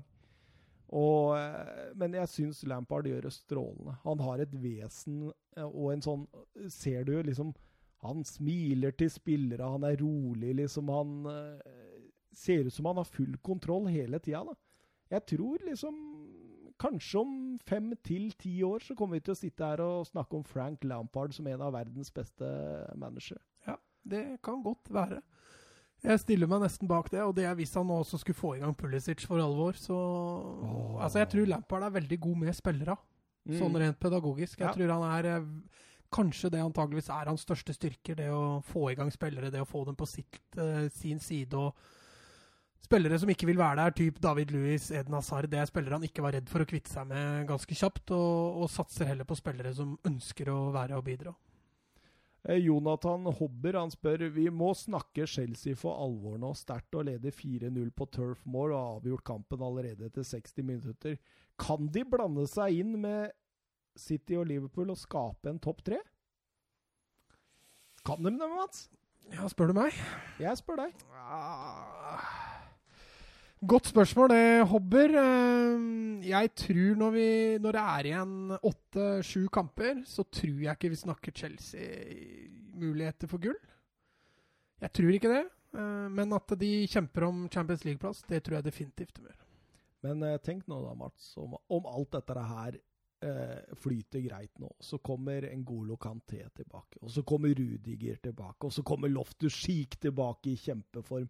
Pulisic han tar eh, rollen til Hazard. Odoi eh, viser takter. Abraham fortsetter å være den spissen han har. Bachuai kommer inn og gjør en god jobb hver eneste gang han kommer inn. Det er jo sånn at Oliver Giroud er jo lenger og lenger bak i rekka der nå. Pedro får ikke et minutt fordi det er så mange foran i køen. Eh, ja Ja, jeg, jeg, jeg er ikke helt usikker, jeg nå, Du er altså. ikke helt usikker, nei? Nei eh, Ja. Nei, Som sagt, et veldig bra spørsmål, det, Hobbers. Jeg, jeg er usikker, i motsetning til deg, som ikke er helt usikker. Så, så altså, jeg ser utvilsomt potensialet til Lampard og Chelsea, det de har vist. Og det, jeg har allerede hylla dem lenge. Jeg tror uh, Altså, topp tre allerede i år, det, det virker veldig tidlig. Det er jo allerede åtte poeng opp til Liverpool, selv om det bare er to poeng til City, så Og utover i vinter så vil skader komme også, ikke sant. Og Champions League, de deltar jo der. Strålende seier borte mot uh, Ajax, nå. Mm. Eh, det rusler og går, men denne unge gjengen, da, hvis de får litt motgang ja, Det- Nei, det er litt vanskelig Ja, å si. Som starta jo litt med motgang, men greide jo å snu det. Mm. Eh, Chelsea har vunnet sju av sju i alle turneringer etter 1-2-tapet mot Liverpool, som vi hadde vel som hovedkamp. Mm. Eh, Pulisic eh, setter tre mål etter ekte hat trick. Ja. Eh, ingen eh, skårer imellom, og eh, leverer jo til ti på børsen der. Ja, i den perioden hvor han skåra altså, Men altså, der viser han jo virkelig potensialet sitt. Det vi har uh, venta litt på Pulisic. Han fikk liksom ikke vist alt siste sesongen i Dortmund. Starten i Chelsea-karrieren virker å være, virka å være veldig vanskelig. Han satt jo gråt på benken for uh, en landskamp for USA. Det var liksom mye motgang. Nå får håpe han har greid å snu det. Det er der jeg tror Lampard er veldig dyktig. Få det beste ut av gutta i med og motgang. Og det, Pulisic er utvilsomt en spiller som kan bidra veldig mye for Chelsea framover. Altså. Blir kalt uh, Captain America innad i Chelsea-laget. eh, Skårte et såkalt perfekt hat trick. Altså det, er, det er ett med venstre, ett med høyre og ett med hodet. Eh, ingen har gjort det i Chelsea siden Didier Drogba gjorde det mot Wiggen i mai 2010. Eh, så Mm. dette tyder bra. Han er også den andre amerikaneren i Premier Leagues historie som har skåret hat trick. Veit du hvem den første var, Mats? Hmm, ja, ja, det er Donovan. Nei Nå har jeg glemt at han har spilt i Everton. Han. Ja, Ja, ja, stemmer det. Nei da, det var ikke Donovan, men det er en som Tim Howard. Tim Howard, faktisk. Brad, Nå, Brad Friedel. nå er det mange som er imponert over deg der ute. Clint Dempsey, har du hørt om han? Ja, Dempsey. Ja. Tottenham og Fulham. Og det var jo Fulham han skårte dette hat tricket mot Newcastle i januar 2012. Eh, William skårer 0-4 der eh, etter en 60 minutters tid. Eh, og da er jo kampen selvfølgelig avgjort, men eh, Jay Rodriguez og Dwight McNeil setter to trøstemål helt på slutten. Ja, det er litt sånn svakhetstegn også fra Chelsea når de slipper ned skuldra der. Det så du også litt når de slo Wolves borte. at det, På slutten så slipper de gjerne inn mål. og det, det er ikke nødvendigvis noe, noe styrketegn på ingen måte at de, eh, at de slipper seg så langt ned at det blir baklengs. Chelsea avslutta kampen med hele fem unge engelske egenproduserte spillere. Ja. Abraham Mount, eh, Hudson Odoi, Tomori og Reece James. Og Hudson Odoi han kom litt i fokus. Tenker på Han fikk gult kort for filming av uh, VAR. Den Ja. har blitt diskutert mye. Den også har jo blitt diskutert. Eh, altså, Det er jo veldig teatralsk, det han gjør der. Eh, så er det jo litt sånn Ja. Det går an å falle uten at det er filming òg. Det gjør det. Og han får jo en viss kontakt. Og så, så har jeg sittet og hørt litt på andre podcaster og Premier League-studio der, og så, så er de jo veldig på det at ja, men det er en liten touch. Ja, men en liten touch, det er da ikke nok til å få et straffespark alltid. Det er, det, det er så mange Og det, det der, det, irriterer meg. Det er kontakt. Ja, og det, er og det irriterer meg så voldsomt, den der greia der. Det er kontakt. Ja, men det er en kontaktsport. At hvis det ikke hadde vært kontakt, så hadde det jo vært rart innimellom. Du kan ikke falle som en uh, jeg, jeg blir så irritert av akkurat den der. Ja, men det var en kontakt der. Mm. Ah, det, altså, hver gang noen sier det, så vrenger innvollene inni meg. Det, det vrenger seg i magen min, liksom. Åh, det, jeg blir så irritert. Ah, kontakt! Faen, faen, altså. Jeg blir irritert. Ja, ja, jeg hører det. Skal vi over til noe annet? Uh, Ar Arsenal mot uh, Crystal Palace. Eh, 2-2. Ja, der også ble det jo voldsom eh, på slutten der. Var eh, nok en gang jeg var inne, altså. Ja, eh, Sokrates og eh, David Louis eh, de eh, setter 2-0 de med 106 eh, sekunders mellomrom der. Ja, og det Eh. før det er spilt ti minutter. Ja, og, men i den vante Arsenal-ånden da, så klarer, så klarer de å rote det til. Eh, Først får Palace et straffespark etter rundt 30 minutter. Sa én mot én mot Chambers. Blir felt når han går forbi. Mhm. Dommer dømmer gult kort til eh, Sa? Sa. Eh, VAR går inn og sier nei. Det der er ikke gult kort for filming, det der er straffespark. Noe som er selvfølgelig helt korrekt. Ja. Eh, Luka Miljojevic, eh, er han verdens beste fra 11-meteren, eller? ja, han setter da de fleste straffene han tar, så. Ja, og jeg så også en sånn eh, liten sånn tegning på hvor han setter dem. Og det var sånn ekstremt sånn Altså, han er så uforutsigbar, da. Jeg tror det var sånn 20% nede til høyre, 20% nede til venstre, 20 eh, midt på mål, 20% oppe til venstre og 20% oppe til høyre. Sånn, altså, det var ikke med helt eksakt de tallene, men Nei. i den eh, ånden, da. Og da ser varierer liksom- veldig. Det går jo ikke an å finne ut av hvor han setter den. ikke sant? Nei, nei. Eh, fantastisk. Eh, og Jordan Ayew han eh, skårer etter 52 minutter etter et innlegg. er dårlig press på Mercator der. og Ja, og ikke veldig flinke til å følge i boks heller. Får litt spillerom der. eh, Åtte minutter før slutt så kommer jo den situasjonen du var litt inne på. Mm. Sokrates og hele Emirates tror de har gått opp til 3-2. Eh, VAR går inn og sier at eh, Chambers feller Miljojevic. Mm. Eh, er den clear and obvious? Nei, altså På den linja VAR har lagt seg på tidligere i år, så syns jeg på ingen måte det. Eh, Førstereaksjonen min der, når de begynner med VAR, og jeg får se eh, reprisen, så tenker jeg oi, straffespark. Men så tenkte jeg at nei, de skåra jo mål, så hvorfor i alle dager skal han stoppe der og dømme straffespark? Og så plutselig dømmer han frispark utover, og så sier jo kommentatoren at det må være for den lille stemplinga han får der. Og... Nei, for meg så virka den avgjørelsen ekstremt tøff, altså, for Arsenal. Ja, jeg, jeg syns det ser ut som han får en liten sånn god, gammeldags beinkrok, jeg, da. Mm. Som gjør at han tryner der etter. Men, men Chambers blir jo også dytta. Mm. Så jeg syns jo den er ekstremt uh, streng. Eh, Clear and obvious var han vel ikke? nei, det var den ikke, altså. Det var den ikke. Eh, talking point, eh, Granit Sjaka, hva tenker du? Nei, han går vel på en liten blemme der. Eh, Men det må da være lov. Jeg, Altså, som- altså, jeg, jeg, jeg blir, det her også er noen ting som irriterer meg. Hvorfor er publikum alltid hylla til det nærmest? Altså, du skal ikke kunne si fra i det hele tatt. Her får han Altså, Tenk deg så ydmykende å være kaptein for et lag, og han gjør sitt beste. Han er jo ikke noen spiller som går rundt og loffer. Han, er ikke verdens beste midtbanespiller, Granit Xhaka, men han prøver. Og så får han mishagsytringer, buing, sånn hele tida, av sine egne. Jeg syns det er lov å si fra. Ja, så er det jo måten han gjør det på, da. Det er jo der han bommer. Ja, men altså, hva, Sier han bare 'fuck off', gjør han ikke det? Jo, men han går jo med hånda til øret og Ja, gjør mye gestikuleringer der. og Det er jo der han bommer. Han er jo kaptein, han er utnevnt som kaptein på dette laget. Og så... Så da skal du tåle all mulig dritt? Nei, men det er litt måten du reagerer på, da. Ja, men han kaster jo ikke drakta eller noe sånt. nå. Det er jo flere som har gjort det før. Da hadde jeg skjønt at det har vært verre, men han sier jo egentlig bare ifra at har kommet igjen', liksom. Han fikk i hvert fall en del overskrifter, da. Ja, og det, jeg ser jo det er mange som er uenige med meg. Ian Wright han, øh, han nærmest tok fra han kapteinsbind og, og øh, kontrakt mm. i studio der. Ja, nå er det ingen av oss som sitter med hjertet i Arsenal, da, så vi, vi ser det på en litt fra utsida, men uh, Nei, jeg syns ikke det der var kap, kapteinsverdig måte å reagere på, altså. Nei.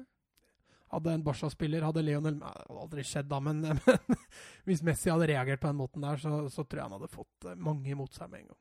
Ja, men mange imot seg har han jo allerede, så han kan ikke tape noe på det, tenker jeg. Eh, Stakkars eh, Granit Sjaka. Um, skal vi snakke litt Gendosi Saha òg, eller? Ja, Kyss, klapp og klem. Ja, har du sett, altså? Den overgangen der, det, det burde jo nesten vært rødt til Gendosi. Men rutinert til å være 20 år? Ja. Nei, 21? Henger og drar ned stakkars Saha. Ja, men fantastisk. Altså sånn, ikke fantastisk, altså. Jeg hyller ikke destruktiv fotball, men, men, men så rutinert som han gjør der. Altså, 2-2 på slutten. Slipper jeg han der nå, som gir en vanvittig stor sjanse til Palace. Jeg tar det gule kortet. Ja, for han veit nesten at det blir ikke rødt. Det blir ikke rødt, vet du. Nei, ikke så langt unna mål. Så rutinert av Gendosi. Selvfølgelig veldig destruktivt, men, eh, men eh, rutinert. Kieran uh, Thurney hadde debut på venstrebekken der. Han er den 200. skotske spilleren som spiller i Premier League. Skal jeg nevne de 194 første? Er det det du vil? Kan du nevne Duncan de? Ferguson, Newell Southall Ja, han var fra Wales. Var fra Wales? Ja. Men uh, uh, Billy McKinley. Nå setter du meg ut her! Jeg skulle fram til at det er én nasjon utenom Skottland som har hatt flere spillere i Premier League. Hvilken nasjon er det? England. Nå er, nå er du sterk, Mats! Nå er du sterk. Ja, det er ikke Norge i hvert fall. Uh, Skottland, ja, må vi Nei, Spania, det er ganske seint. De kom inn i Er det liksom så enkelt som Irland eller Nord-Irland eller Wales, eller? Frankrike? Frankrike? Ja. 201? Nei, 211. Skal vi videre til Ole Gunnar Solskjærs eh, Joho! Hva er det med å drikke i dag, da? Ja, det var gøy. Kan jeg lukte i den colaen din, eller? Ja, du kan få resten. Norwich, Manchester United 1-3, Mats. Scott Ja. McTominay 0-1. Det var eh, Manchester United sitt Premier League-mål nummer 2000. Ja. Første klubben til å nå den eh, milepælen. Ja. Eh, Rashford eh, 0-2, Martial 0-3, før Onel Hernandez eh, setter 1-3 helt på slutten der. eh. To potensielle nedrykkslag som møttes. ja. Nei, det var tuller. Manchester United fikk jo en enkel og behagelig reise, tenker jeg, mot uh, Norwich. Ja, så var dette et lag som passa dem eh, meget bra. Norwich er ikke fremmede for å gå framover, eh, spesielt på hjemmebane. Det, det innbøy til eh, I hvert fall to av måla til United kommer som direkte konsekvens av at Norwich er på vei fram, og United bryter og får kjemperom. Ja, og Norwich er jo i skandaleform. Hvis vi ser bort fra City-seieren midt i september, så har ikke laget vunnet siden 17. august. Og da tar vi også med Carabao Cup-tapet mot Crawley.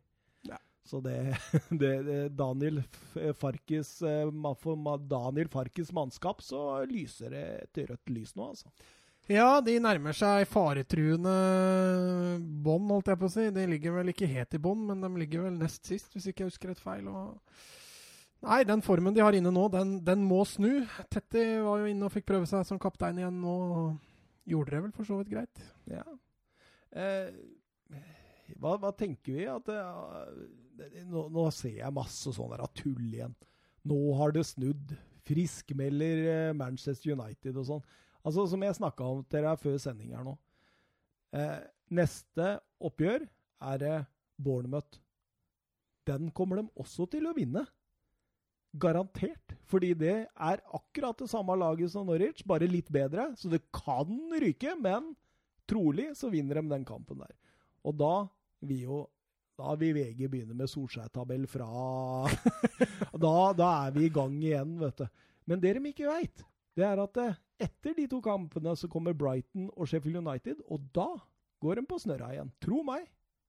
Tro ja, meg. Veldig spennende å se om vi kan tro deg på det. Ja, det kan dere gjøre, altså.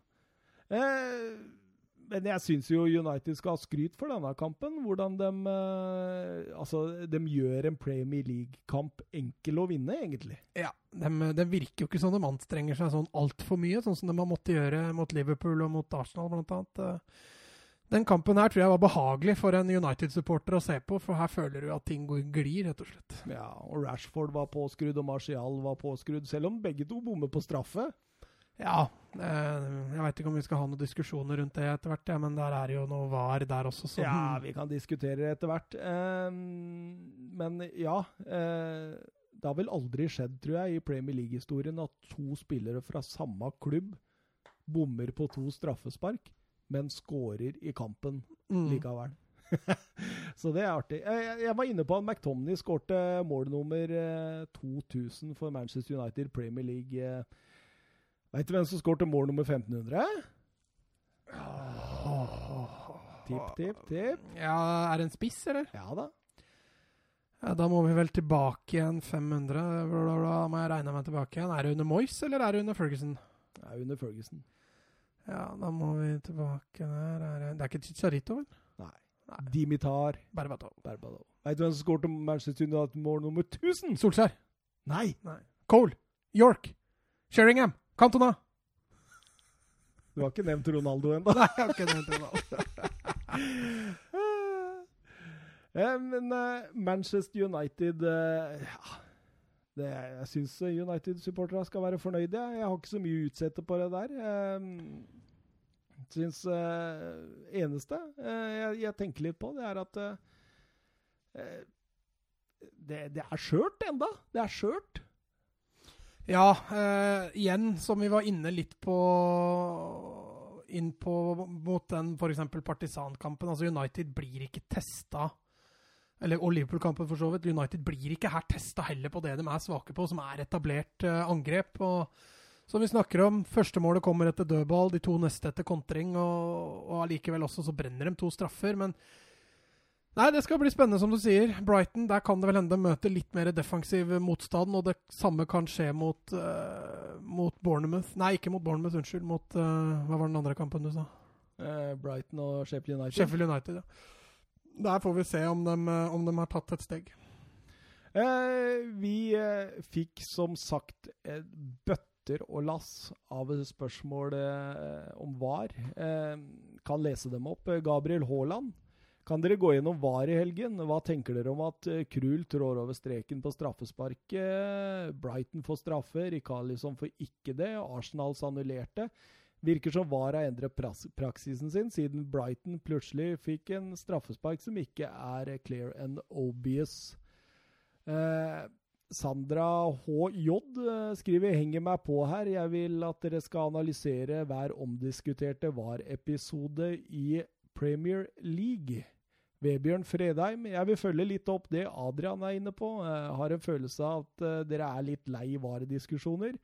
Men i denne Premier League-runden var det så veldig mye å ta tak i, så snakk gjerne litt om det. Og eh, ja, Adrian han var jo inne på dette med straffesituasjoner. Hvorfor påpeker ikke VAR eller linjedommer at keeper står eh, langt utenfor linjen sin på Manchester United-Norwich? Eh, dette er jo like klare regler som hens-regelen. Her burde straffen bli tatt på nytt.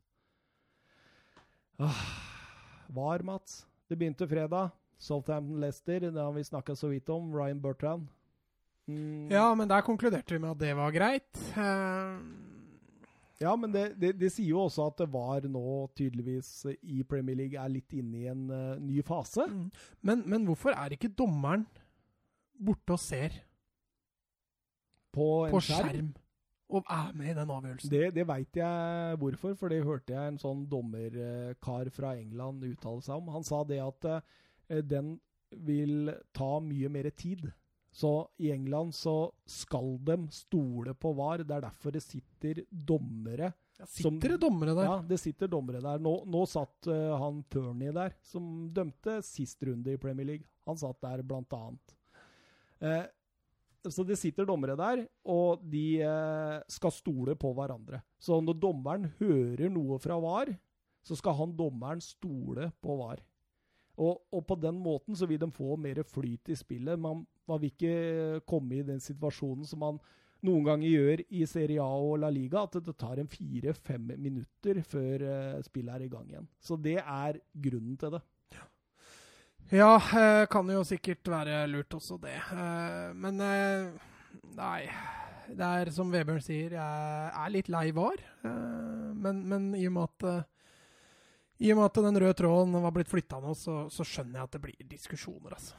Jeg, Men, men jeg tenker jo, så lenge avgjørelsene er korrekt, så er det greit i sånne nøkkelsituasjoner som rødt kort og sånn. Så jeg syns eh, Hvis de fortsetter den røde tråden der med at de tar sånne som Ria- Ryan Bertrand sine taklinger i senere tid, så er det grei linje å legge seg på.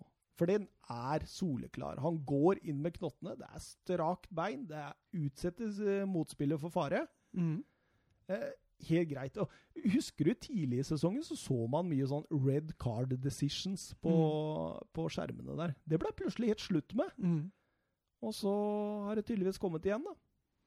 Eh, så over til lørdagen. Eh, Manchester City Villa eh, var eh, 2-0 der.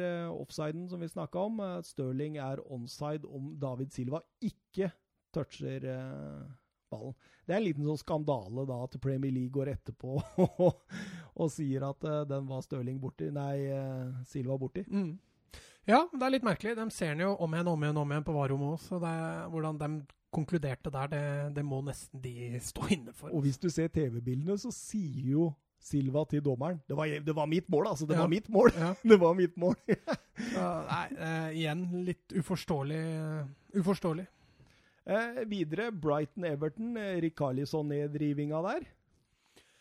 Ja, hvis den, eh, hvis den på andre sida var clear and obvious, så er i hvert fall den det òg. Den er jo soleklar. Det Ja. der må du ta. Ja, og så når du da i tillegg går på andre sida etterpå, så tar du den på samme måte, da Nei, da er det jo ikke noe rød tråd, da. Nei, det er jo ikke det. Så i Brighton-Everton, der hva var Altså, den tenker jeg det er den største skandalen. Ja. Fordi der tar man noe som er clear and obvious, og lar det gå. Og så tar man en ting som Tja, det kunne kanskje vært straffespark, for du ser Keane tråkker den på foten der. Mm. Men det er ikke noe clear and obvious. Det er ikke det, er ikke det samme som uh, Rikarlison. Og da blir det rett og slett unfair. Ja, det blir urettferdig. Og Ja, nei, det er som jeg sier, da blir jo den røde tråden helt viska bort, da, så da blir det jo Nei, Eh, videre jeg er glad jeg ikke er Everton-fan. Ja, ja, ja, jeg tenkte på det. Og det, det, det, er, det er så tungt. Det er så den tungt. er, det er nedtur, den der. altså. Åh, og, og jeg, får, jeg merker jo Jeg har jo opplevd noe av det samme, selv om ikke så ekstremt som Tottenham-supporter. Og jeg merker at jeg må alltid inn og begynne å diskutere. Og, Mm. og, og det tar jo år og dag på sosiale medier før du er ferdig. ikke sant? Det er slitsomt, det greiene der. Eh, Burnley-Chelsea, Odoi-filmingen. Mm. Ja, men jeg, jeg, jeg Altså, det som er så vanskelig her, er, det, er, det er jo kontakt, Thomas. Godt du sitter over en armlengde, så jeg, så jeg ikke må reise meg og punche deg nå. Altså. Men, eh, ja, den nei, det er jo litt drøyt, er du ikke enig? Ja? Jo, jeg, jeg syns ikke det er filming. Nei. Det gjør jeg ikke. Eh, fordi det er kontakt. Nei, det er bare tull. altså, det må jo være en mellomting mellom filming og straffespark. Enig. Og, og denne har falt under kategorien en mellomting. Mm. Så eh, dommeren hadde helt klart eh, tjent på, og var, å bare latt spillet gå videre.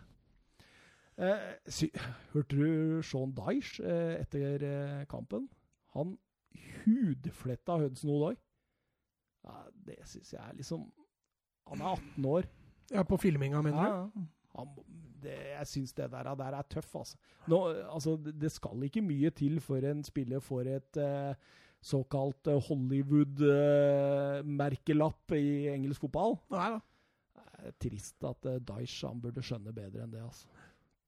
Eh, eh, videre, søndagen. Eh, Arsenal Palace. Eh, annulleringen eh, av Sokrates i mål rett før slutt. Den Ja. er heller ikke clear and obvious. Nei, den, det er litt den jeg også skulle fram til der. At det er, den er slitsom å forholde seg til. Mm. Og da, da, da kan man jo lure åssen linje skal man legge seg på seinere da.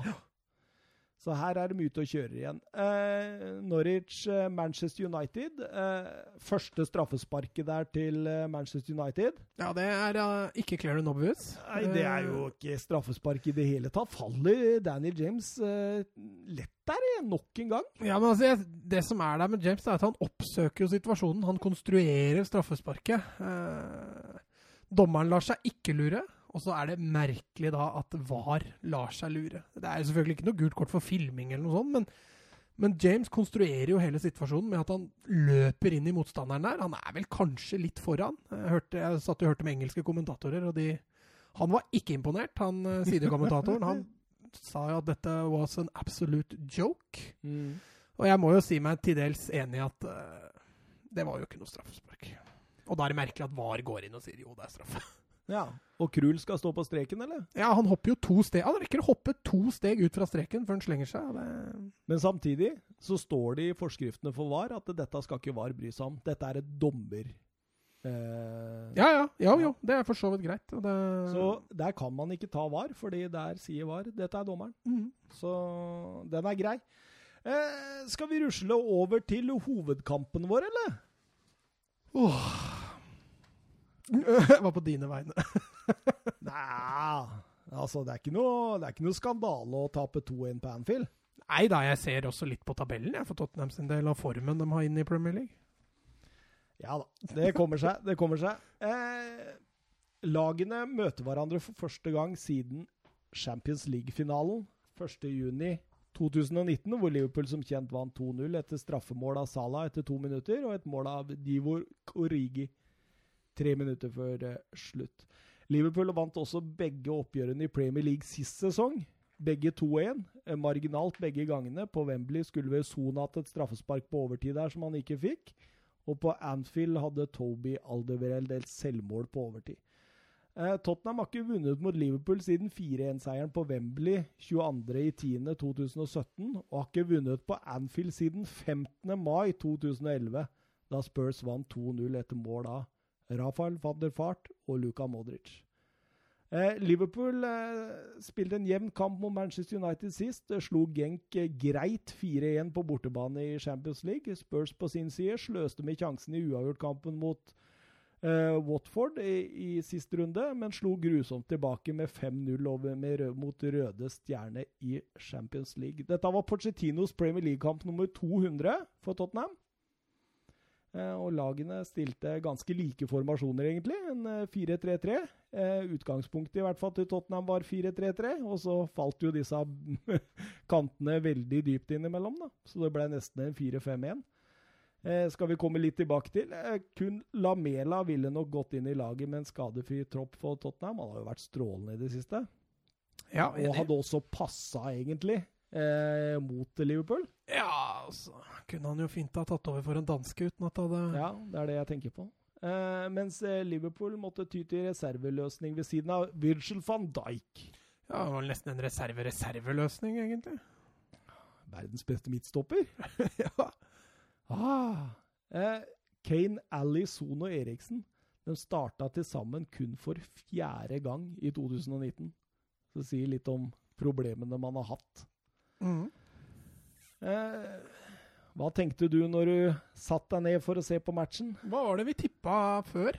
Jeg tror jeg tippa Liverpool-seier, gjorde jeg ikke det? Jo, du tror jeg tippa 3-1. Altså, Jeg, jeg, jeg, Jeg må jo nesten stå for det, da. Jeg hadde jo trua på, på Liverpool. Eh, ikke nødvendigvis fordi de er et så vanvittig mye bedre lag enn en Tottenham, men, men, formen til Liverpool og formen til Tottenham tilsa jo, tilsa jo akkurat det. Og, og med unntak av en litt ruskete start, så syns jeg Liverpool kommer greit fra det. Ja, eh, etter 47 sekunder av kampen så kommer jo kampens første mål. Ja. Harry Kane. 0-1. Kane. Eh, Wink som eh, tvinger fram et brudd når Henderson går seg fast. Eh, Sissoko. Fantastisk der når han kjører slalåm mellom Fabinho og Vinaldum.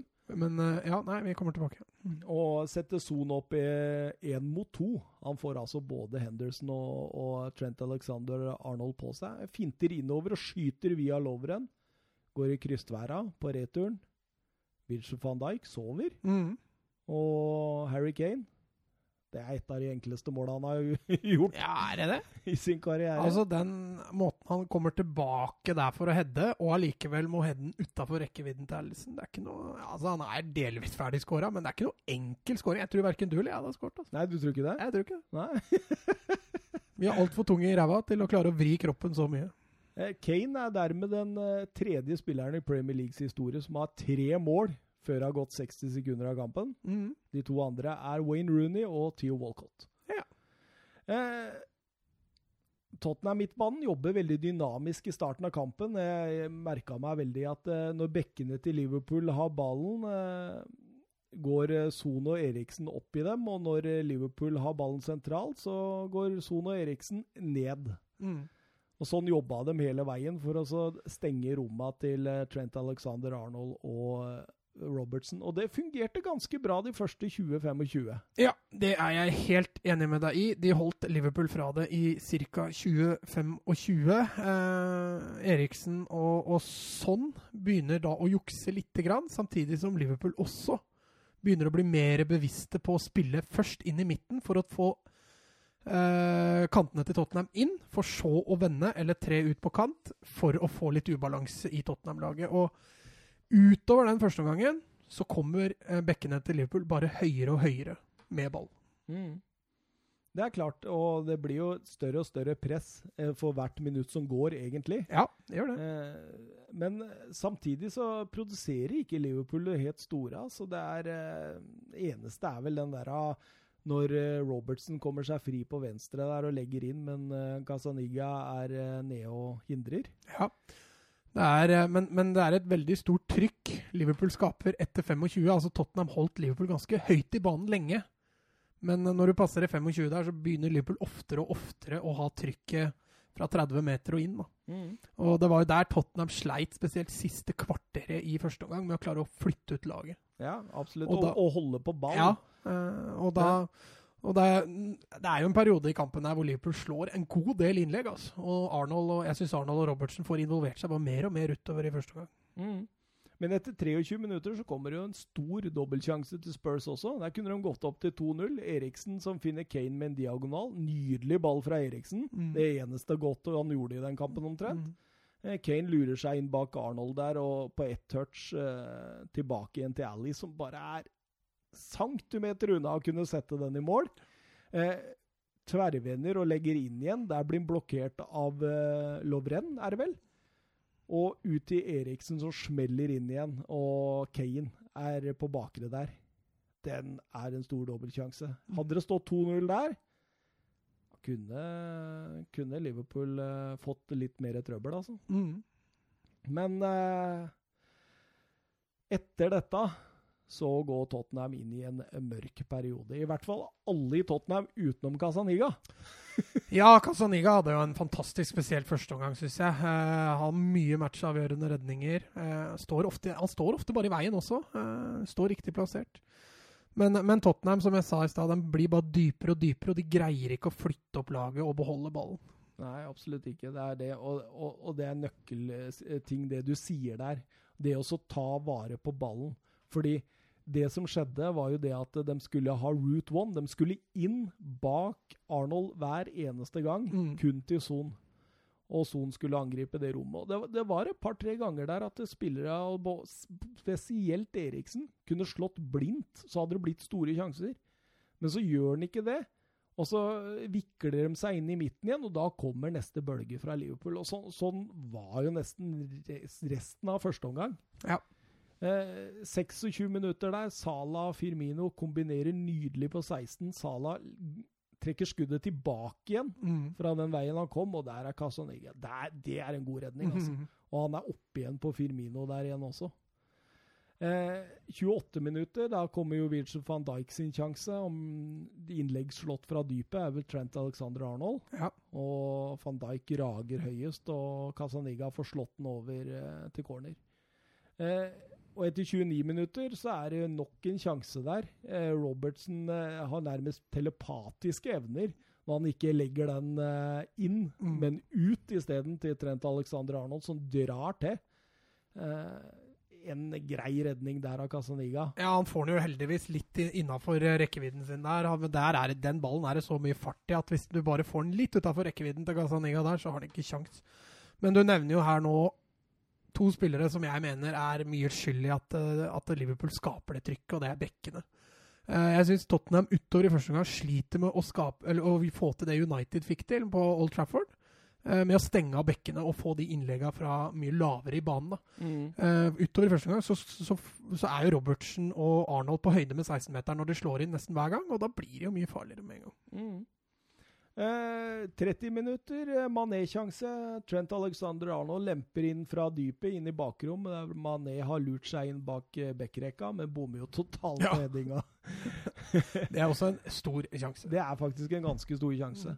Eh, og da kjører Liverpool voldsomt der. Eh, setter Altså, jeg, jeg, jeg skjønner Tottenham-spillere òg, da. Fordi de har jo den 1-0-ledelsen å ta vare på. Og da du, du ser nesten at de er litt mer stressa enn det de normalt sett er. Altså, du ser I selve oppbygningen så gjør, de gjør ikke de tinga du er vant til å se fra Tottenham i oppbygningen, som gjør at du, du setter spillere i posisjoner de er ikke helt vant til å komme opp i. Og eh, spesielt altså, Eriksen er jo egentlig helt på tur i den kampen. Både offensivt og defensivt. Ja, det er jeg helt enig med deg. i. han spilte jo en slags høyre kantrolle. Altså, det var, ja, det var en høyre kantrolle i treeren der, ja, Ja. som var egentlig utgangspunktet. Men, men, men han sliter jo veldig defensivt, for han flytter jo ikke utover i matchen. Så flytter han jo ikke beina fort nok til å klare å ta ut eh, Robertsen. Mens i det offensive så tror jeg nok meningen er at han skal søke litt inn i banen og finne et mellomrom. Eh, Det mellomrommet sliter han med å, finne, og de gangene han finner det, så finner jo ikke Tottenham han. Det gjør at Tottenham mangler en kontringsspiller på høyre side. Mm. Da blir, som du sa innledningsvis, så blir det jo veldig ensidig da når Tottenham hele tida skal kontre med sånn. Ja, helt klart. Eh, hadde vært bedre å satt inn Lucas Mora der ganske tidlig, kanskje. Eller eh, Ja, i hvert fall eh, fått inn en som er litt mer utprega kantspiller, og som kan utnytte rommet bak Robertsen. For Robertsen var jo ikke noe lavere i banen han enn det Arnold var, så det var jo like mye rom på den sida. mm. Men likevel, da. Presset avtar de siste ti minuttene av første omgang. Eh, Litt roligere. Liverpool eh, får en del frispark, og spillet blir stykka litt opp. Ja, Tottenham var veldig bevisste på å stå foran ballen. Ja. Eh, Ga fikk- gult kort til Sissoko etter hvert. Fikk etter hvert et gult kort der. Så det er klart Tottenham var nok bevisste, som du sier, på at de leda 1-0 og skulle drepe tempoet så mye som mulig.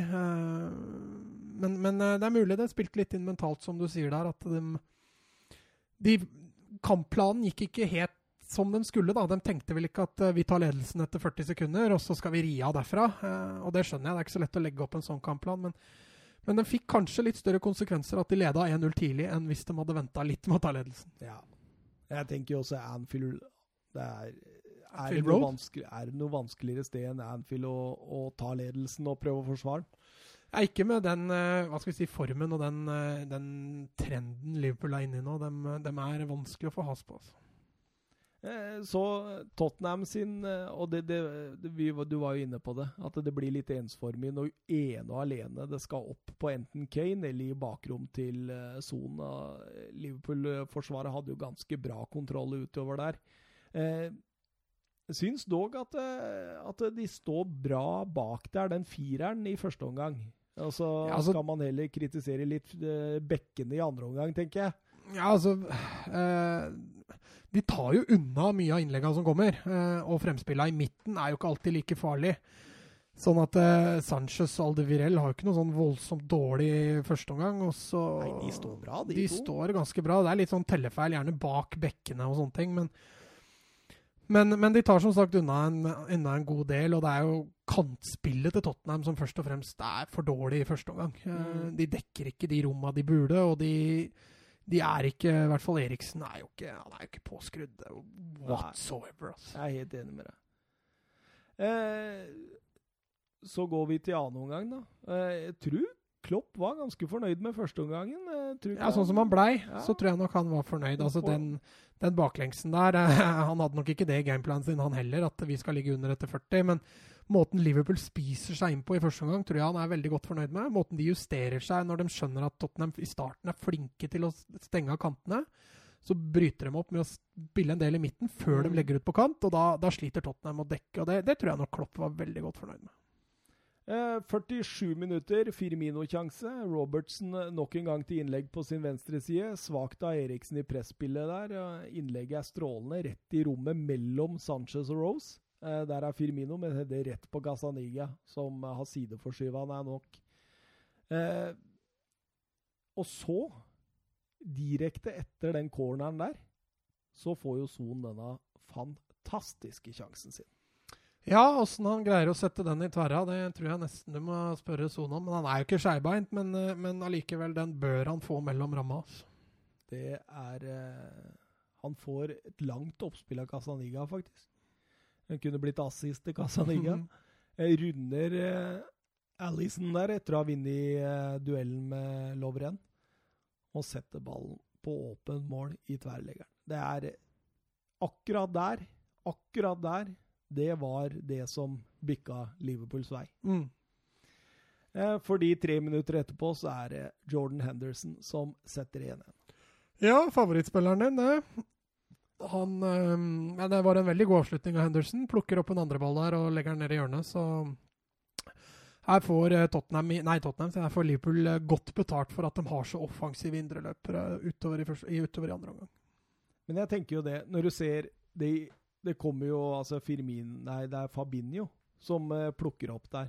Spiller en liten sånn uh, vegg med Robertson før han lemper inn bak uh, Rose. Rose er jo en duell med Firmino. Så det er en tellefeil der som gjør at Henderson kommer helt aleine der bak. hadde Henderson truffet den rent, så hadde han gått i blokka til eh, Sanchez. Ja, Så du tror ikke han prøvde på det? Nei, eh, nei han, han, prøvde å treffe opp på leggen der, nei. Nei, det nei, men prøv, altså, Han ikke sikta på hjørnet, liksom? Jeg, tror du han bare klinte til? Jeg tror han tenkte 'den må jeg få på målet', ja. ja, ja. Eh, og den sniker seg inn eh, i bortere, da. Eh, ja, hva kan man si? Eh, altså, det er jo ikke Altså, ja, du kan godt si det er en tellefeil, men, men at Firmino er veldig bevisst når han legger seg på roast der. Eh, Veit at han slår jeg ti av ti ganger framfor eh, Sanchez eller Aldevirel. Eh, og så er det følgefeil. Anderson kommer inn der i returrommet uten at han blir fulgt fra midtbaneleddet. og det igjen, altså, Liverpool får veldig godt betalt for at de kjører både Vinaldum og Henderson enda mer offensivt i andre omgang. Det var første Premier League-målet til Henderson på Anfield siden uh, Wiggen i 2015. ja. Målfarlig, han. Altså. ja, målfarlig herremann. Uh, og da starter jo et trykk igjen.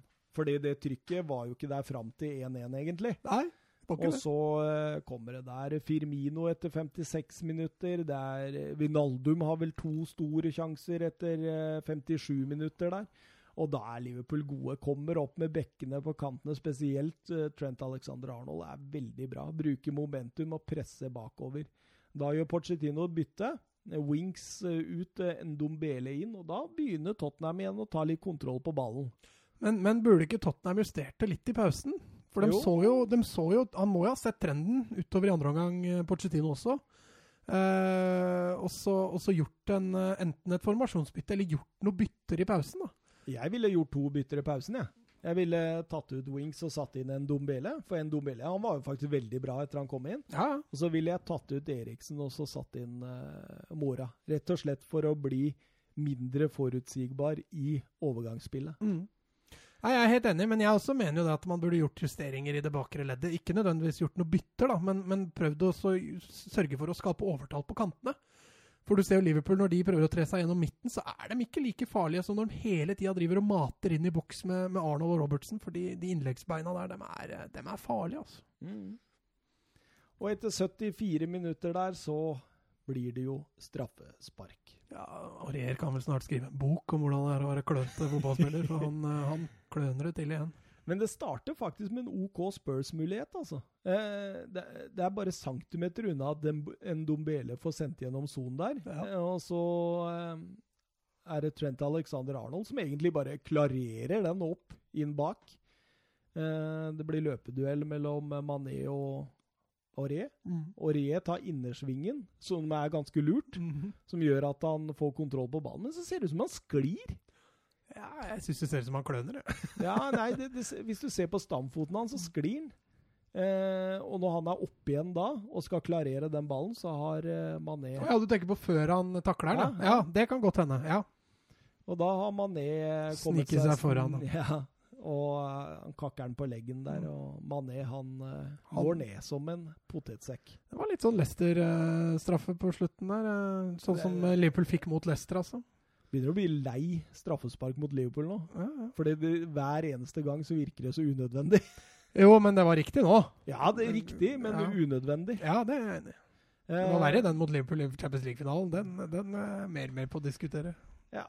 Salah setter straffesparket, og da tenker man jo at det nå er det kjørt. Men så gjør Klopp noen bytter som gjør at han eh, I hvert fall ett bytte med Vinaldum ut og Milner inn. Og da begynte jeg å få litt håp igjen, for da tenkte jeg nå legger de seg. Og det er litt farlig, særlig mot Tottenham. Eh, og det, da, det fikk Liverpool kjenne på, for da tok Tottenham over stort sett alt. Ja, de fikk mye mer initiativ, i hvert fall. Eh, ble ikke sånn voldsomt mye mer skapende, men, eh, men eh, det var helt klart et mentalt bytte for, for, Liverpool også, at de ser at nå kommer Milner inn, og da, da skal vi ikke gå så hardt offensivt. Ja, eh, og Trent Alexander Arnold kunne gått på sitt andre gule der når han uh, tar Rose på vei oppover. Ja, den ja, der, altså. Jeg, jeg tror ikke jeg, jeg, hadde ikke gitt gult for den, tror jeg. Ja, det tror jeg faktisk jeg hadde gjort. ja, men altså, han tråkker jo på ankel og, og, på Altså, den er jo halvveis uh. Altså, du tenker på for taklinga, ikke for overgangsmuligheten? Nei, for liksom. taklinga. Ja, ja. Jo, på en god dag så hadde vel kanskje dommeren gitt gult for den, men, men, på en dag på Anfield hvor eh, ting flyter for Liverpool, så får han ikke rødt kort på den. Nei, for han er ganske stygg, den der han tar på Kane nå, skjønner du, mm. som han får gult på første der. Så det hadde, det hadde, egentlig ikke vært noe å si på at Arnold hadde ryket der åtte minutter før slutt. Eh, så skjer det noe bytter. Aurier ut, eh, Lucas inn. Eh, Tottenham alle kluter framover, mens eh, Liverpool eh, tar ut Salah. Litt småskada ja, der. Han fikk seg en trøkk, tror jeg gå med sin, og, og da kjører Tottenham eh, på eh, Han kjørte Arnold fram, da. Det skal sies. Han ja. la ikke om til fem bak. Nei da, nei da. Men eh, da, da Stor sjanse der til Rose etter 88 minutter der. Mm. Eh, kommer eh, en dobelle. Husker jeg riktig når han avslutter med høyre der? Ja, han avslutter med høyre. Det er det som gjør at den ballen kommer på 144. benkerad. Og etter 91 minutter der så får Sone en fin sjanse. Han skyter rett på Alison. Mm. Eh, men det ebber jo ut, da. Til slutt. Eh, Toby er vel sistemann der som får en sjanse etter corner. Header rett på Alison. Eh, Liverpool-Tottenham det blir stort sett straffespark i kampene, og så blir det ofte 2-1 til Liverpool. Ja, de siste kampene. Eh, når det er sagt, så er det fullt fortjent at eh, Jeg syns fullt fortjent at Liverpool vinner, i hvert fall. Eh, ja, ja. Det er, det er ikke noe å diskutere engang. Selv om det er som du sier, siste kvarteret, så lager kanskje Liverpool litt mer spenning enn det de kunne ha gjort. Men, men alt i alt en godt, gjennom, godt, gjennomført kamp igjen av, av Liverpool mot et topp seks-lag som, som, sliter litt mer med formen for tida. Eh, skal vi ta banens beste poeng av våre før Twitter-spørsmålet angående kampen? Ja. Jeg har tre poeng på Fabinho. Han var eh, gråse på midtbanen, spesielt i første omgang. Han eier andrebollene. Han vinner alt av andreboller og fordeler ut på bekkene gang på gang. Jeg så Nettavisen hadde han som eh, en av de dårligste på Liverpool ja. på sin børs, og skrev at han var svært anonym. Ja, men Nettavisen har ikke peiling. Sikkert Svein Erik Edvardsen som Nei. Eh, jeg har Gazaniga på to poeng. Han er helt klart matchavgjørende i første omgang. Liverpool kunne fort ha gått til pause med 4-1 hvis ikke han hadde vært på nett. Uh, Ett poeng gir jeg til Robertsen. Han uh, kunne også gitt et til Arnold for den saks skyld, men, uh, men begge bekkene til Liverpool var, var ekstremt toneangivende offensivt for Liverpool i den kampen her. Spesielt etter de første 20. Jeg har tre poeng til Gazaniga. Mm er jo helt avgjørende for at, som du sier, at Liverpool ikke vinner mer. ekstremt bra, par av de redningene der. Og gjør også Altså du ser måten han flytter seg på, gjør at han bør ikke nødvendigvis gjøre verdensklasseredninger hver gang. Så det er imponerende. Premier Leagues beste annenkeeper, det kan man trygt si. Og jeg er ikke veldig redd for framtida uten Lloris fram til januar. Gammel er Gazzaniga? Nei, 5-26, tror jeg. Mm. Jeg tror han kommer fra samme by i Argentina som Pochettino. En sånn liten landsby, Murphy. Mm. Eh, litt artig. Eh, to poeng til Fabinho. Hæ? Nettavisen sa at han var en av de dårligste. Visste du det? ja, men det var bare fordi jeg skulle tulle litt med Nettavisa. da. Ja, okay. Fordi det, han hadde jo en gedigen kamp. Eh, helt enig med deg. Eh, Ett poeng til Trent Alexander Arnold. Eh, Spurs på nedre halvdel av tabellen for første gang siden november 2014. Så, og Liverpool er ubeseira på de 16 siste oppgjørene på Anfield hvor de har kommet under 1-0. Mm. Det sier litt, altså. Har vunnet de seks siste. Ja, men det er en, det er en mentalitet i Liverpool nå som, som er, Du må en del år tilbake for å finne den mentaliteten de har nå på Anfield. og og vi har allerede vært innom det. Vi, vi tippa vel City på første, men, eh, men jeg syns det Liverpool har vist eh, denne sesongen så langt det, De vinner tette, jevne kamper eh, nesten hver gang. De eneste gangene de har ryket, er mot Napoli og, og United. Men Nei, det er sterkt. Nå har de ett poeng mot United, de har tre poeng mot Chelsea, de har tre poeng mot Tottenham, så det ser, det ser bra ut. Didrik Tofte Nilsen fra Twitter, han sier 'brannfakkel'. Christian Eriksen har ikke vært god siden juletider sist sesong. Enig eller ikke? Ja, Denne sesongen har den jo vært grusom. Ja, Men det starta allerede forrige sesong, syns jeg. Ja, det kan jo godt være. Jeg har ikke sett alle Tottenham sine kamper, men, men jeg syns jo etter juletider Han hadde jo noen bra matcher da òg.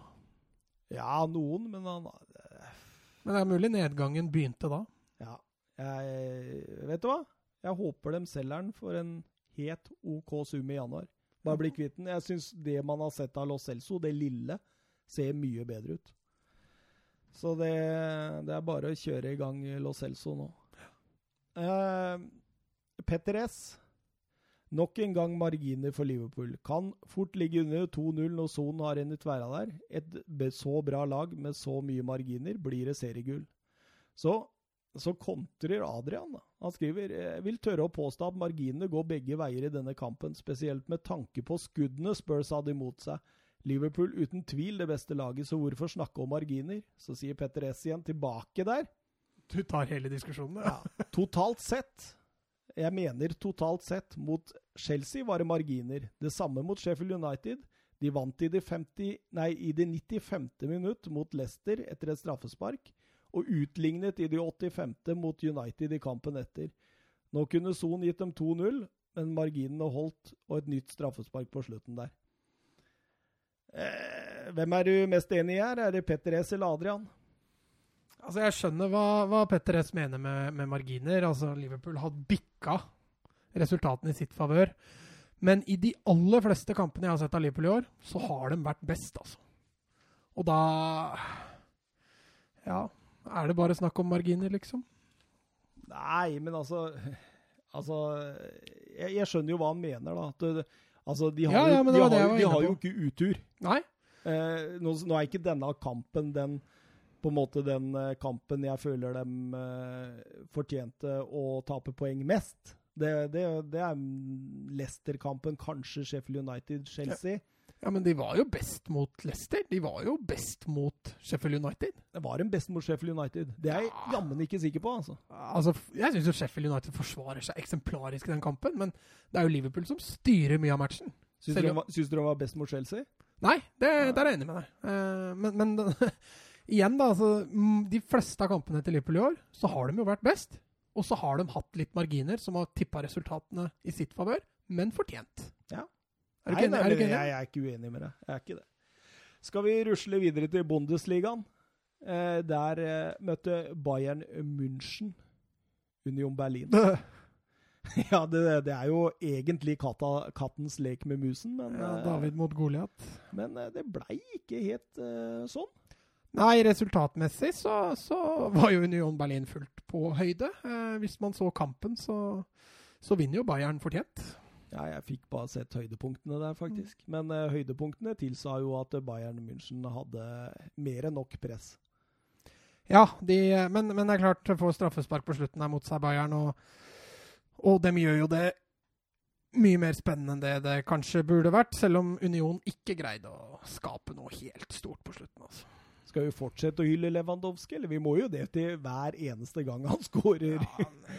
Nå er han oppe i 19 mål på 13 kamper. eh, Ja, det er tallene til Haaland omtrent, det. Og han har skåra i Bundesliga i samtlige ni første matcher. Det er helt Det er helt vanvittig. Mm. Eh, det er nesten litt komisk, faktisk, Mats, å se på toppskårertabellen nå, for der står Lewandowski med 13, før Timo Werner med 6, Ja. og resten med 5. eh, kampen Pavar satt tidlig 1-0 der, fra rundt 18 meter. Eh, Pavars andre mål etter overgangen fra Stuttgart. Ja, Han skåra jo en del mål i Stuttgart òg, så han Ja. fortsetter litt der i Bayern. Og vi husker jo skåringen hans i VM. Ja, ja, definitivt. oh, det var Han har mye. et bra skuddbein. Absolutt. Eh, Kovac kjørte en eh, slags 4-1-4-1 eh, i denne kampen, med Tiago bak Koman, Müller, eh, Coutinho og Perisic. Eh, har sett eh, den formasjonen før uten at de har imponert voldsomt. Mm. Eh, Ser ut som det er en formasjon han bruker når han skal hvile enkelte spillere. Ja, han kjørte også Alphonse Davies ned som en venstre back. Ja. Eh, ikke den mest brukte posisjonen hans heller, så Ja, Han hvila jo halve forsvaret sitt etter, eh, sitt etter Olympiakos-kampen i midtuka. Mhm. Eh, Men han var nok sikkert trygg på seier. Noyer Neuer redder dog et straffespark fra Andersson eh, der. Mm. Og eh, Sebastian Polter han skårer på straffespark fire minutter før slutt. Ja, det målet kom litt seint, dessverre. Eh, Men, men jeg, som jeg sa i stad, Bayern hadde egentlig god kontroll, burde ha skåra flere mål. Eh, Union Berlin greide liksom ikke å skape det helt store spenninga, selv om resultatet kanskje tilsier noe annet. Ja. En eh, helt OK gjennomført kamp. Eh, Sånn, helt sånn på grei greie. Ja, Du, du hviler spillere, og du har god kontroll, tenker jeg. Ja, altså dem, dem, når det gjelder possession der, så er det det vante tallet av favør Bayern. Og, og det, var en, det var en grei seier for Bayern. Men Leipzig gikk på et uh, tap. Ja, Freiburg er jo et av lagene som overrasker i Bundesliga i år, og de klarte jaggu å ta Leipzig òg. Selv eh, da Waldschmidt måtte ut med skade i første omgang der. Ja, gode gamle. Nils Petersen. Ja, han eh, Det er faktisk en av de som eh, Jeg tror han har 22 mål i Bundesliga nå som innbytter. Mm. Så han er eh, på toppen av den lista av spillere som kommer inn og skårer mål. Men, men jeg må jo si at Nå så jeg ikke hele kampen, men, men ganske flatterende. Leipzig har mest ball, og de har helt klart flest sjanser. Og, så Freiburg er også litt Der er også litt snakk om marginer for, altså.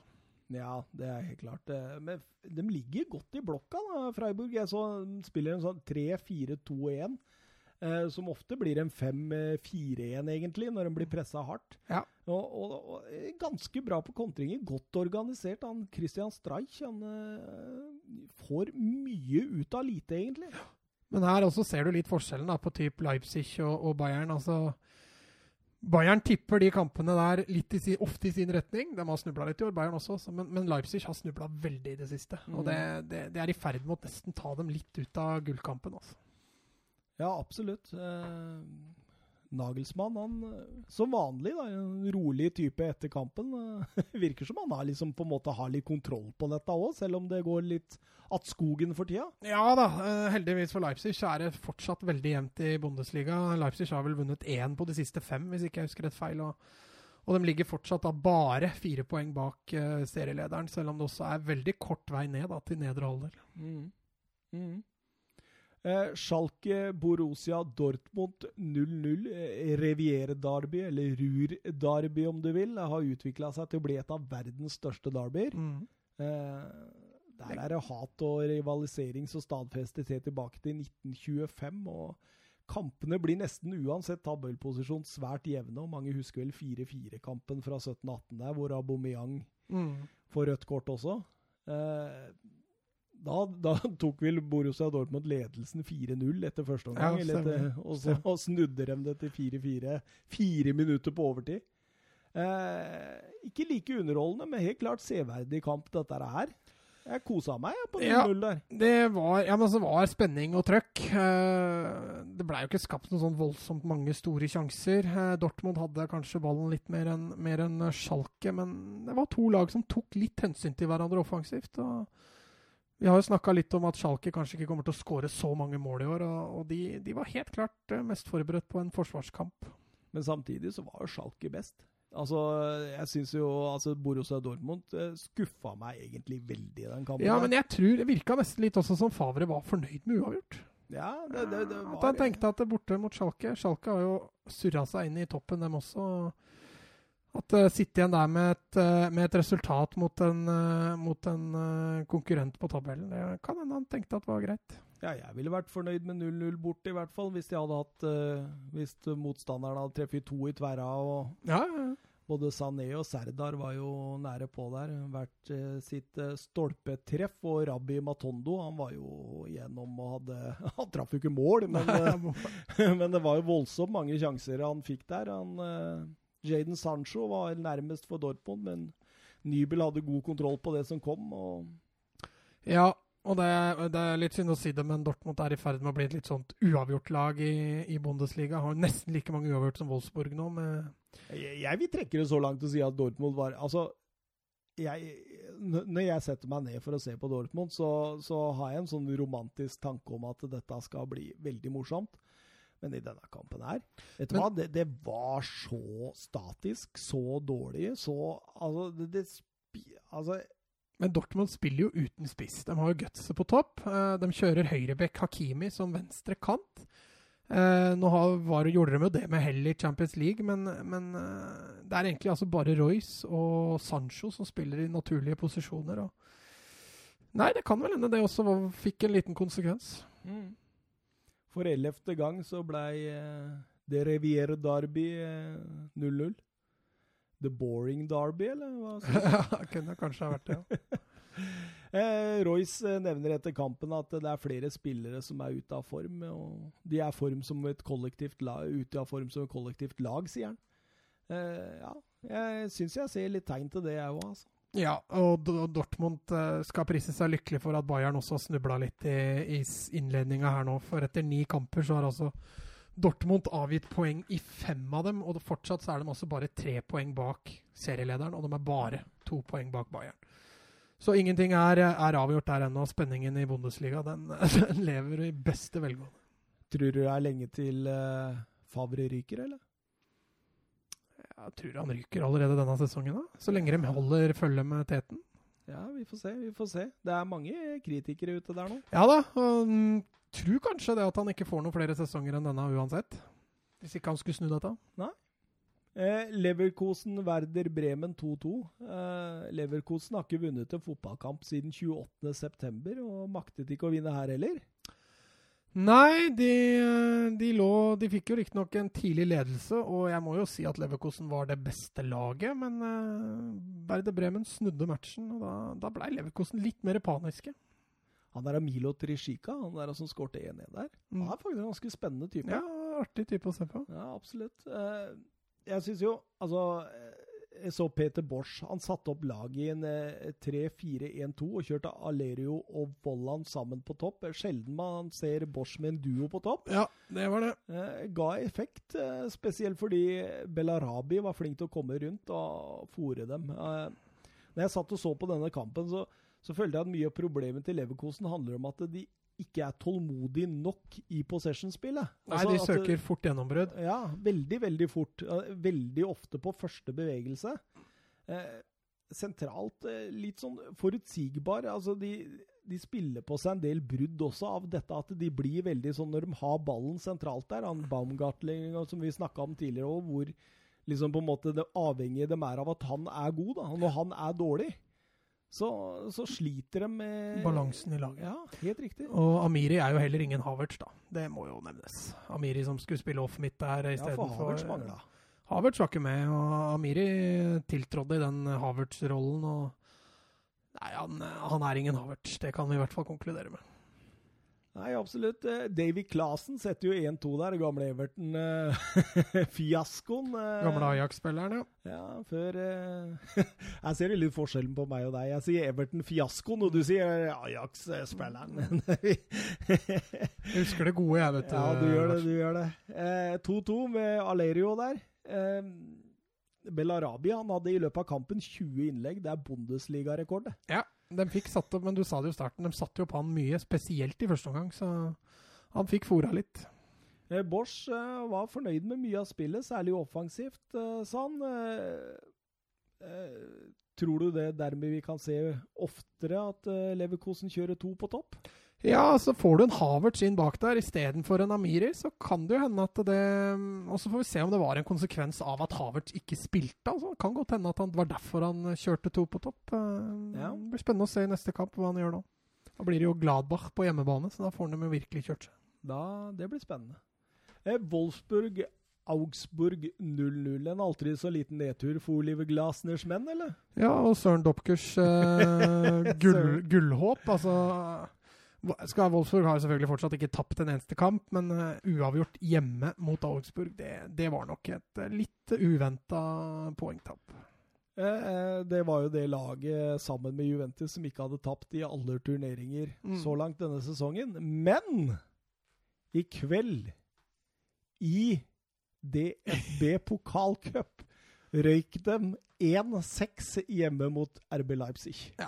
Leipzig retta litt opp eh, Så der Søren og eh, Sandra, som var blitt, eh, og hele Wolfsburg, der røyk den. Da er det bare Juventus igjen. mm, Og Juventus vant i kveld, 2-1. Ja. Etter en scoring seks minutter på overtid. Så Juventus de drar seg videre. Ja, det er helt klart. eh, Ronaldo banens beste, ser jeg her, på og Rabiot rødt kort. Ja, han er på glid, han. Og Ronaldo skåringa seks minutter på overtid. Ja. Det var det vi litt snakka om. Det var, det, det var han det mangla mot Lecce. ja. Eh, ja. Eh, mange trodde jo Wolfsburg i denne kampen hadde skåra når Joao Victor satt ballen bak Thomas Kubek sju minutter før må, eh, slutt, men eh, var annullerte. Ja. Eh, Blei brukt jæklig lang tid på å finne ut av det. Ja, de marginale de er gjerne litt sånn at eh, da tar de seg de ekstra minutta for å tegne opp og streke opp og ordne og styre. Ja. jeg veit ikke hva, han, eh, hva de drev egentlig på med der, fordi altså den, den var veldig rar, fordi eh, Den var veldig var. Ja, den var veldig var. Fordi altså Hvis de tar offsiden fra når innlegget går, så er jo Victor offside. Men hvis de ser på det som en ny situasjon, når han treffer hånda til han ene Augsburg-forsvareren der, så er jo ikke Viktor i offside. Nei. Så det Men de tok jo på offsiden. Ja, men altså Og Viktor, han var jo ikke en del av eh, spillet når den treffer hånda til Augsburg-forsvareren. Så jeg syns det er litt rart at den blei annullert. Ja, men er det regna som en ny situasjon, altså? Ja, det blir jo det. Ok, ja, da er det jo litt merkelig. Eh, Borussia München Gladbach møtte Eintracht Fre Fre Freitag. Men nå var det ikke freitag. Nå var det ikke fredag, og da tapte Eintracht eh, fredag 4-2. Eh, Toget til Gladbach, altså. Det ja, ruller videre. eh, og dominerer jo førsteomgangen fullstendig. Eh, faktisk leste jeg tall på at 26% av pasningene Eintracht Frankfurt hadde i den første eh, halvtimen, var lange baller. Mm. Tenk det. Da blir du satt under press når det 26% av hver gang du er borte i ballen, så poler hun. Ja, klarering også innimellom, faktisk. Eh, og stort sett gikk jo det rett i fanget på Nico Elvedi og kompani bak der. Mm. Eh, men det skulle gå en halvtime før Tyram satt 1-0. Ja, der. vi var jo inne på det for noen eh, episoder siden om han hadde våkna. Jeg syns han begynner å se stabilt, stabil ut òg. Ja, han har fire mål på tre, assi, tre assis på de siste fem nå. Eh, svenske Oskar Wendt setter 2-0 på overtid første omgang. og eh, Jeg syns jo kampens store spiller, Dennis Sak- Sakera han, Sa Sakaria er han heter. Han var helt strålende. Dirigerte spillet der. Eh, altså når han har Når han har dagen, og han har eh, Benes og Neuhaus ved siden av hverandre i den trioen ah, det, er, det, er- det er en trio jeg liker å se på. Altså. Ja, ja. Men den også to av de tre offensive der med Mbolo og Turam altså Det er førsteelveren til Gladbach når den er skadefri. Mm. Ja. Hvor er det vi har dem? Eh, Femteplass? Ikke så gærent. Nei, men eh, jeg skulle gjerne hatt dem så, så litt høyere nå. Ja, hvem er det du hadde droppa da? Leverkosten kanskje? da, eller? Ja, både Leverkosen og Leipzig og Dortmund, kanskje. Jeg ville kanskje hatt dem på andreplass. jeg nå. Ja, nei, det de har vist så langt i sesongen, tilsier jo det. Men så veit vi jo at fotball er ferskvare. Og at det Vi, vi kan sitte her om en måned og si Åh, jeg er glad vi hadde dem på femte. Ja, ikke sant? For det, altså det, er, det er jo sånn det er veldig ofte. Eh, eh, Annenomgangen litt mer jevn.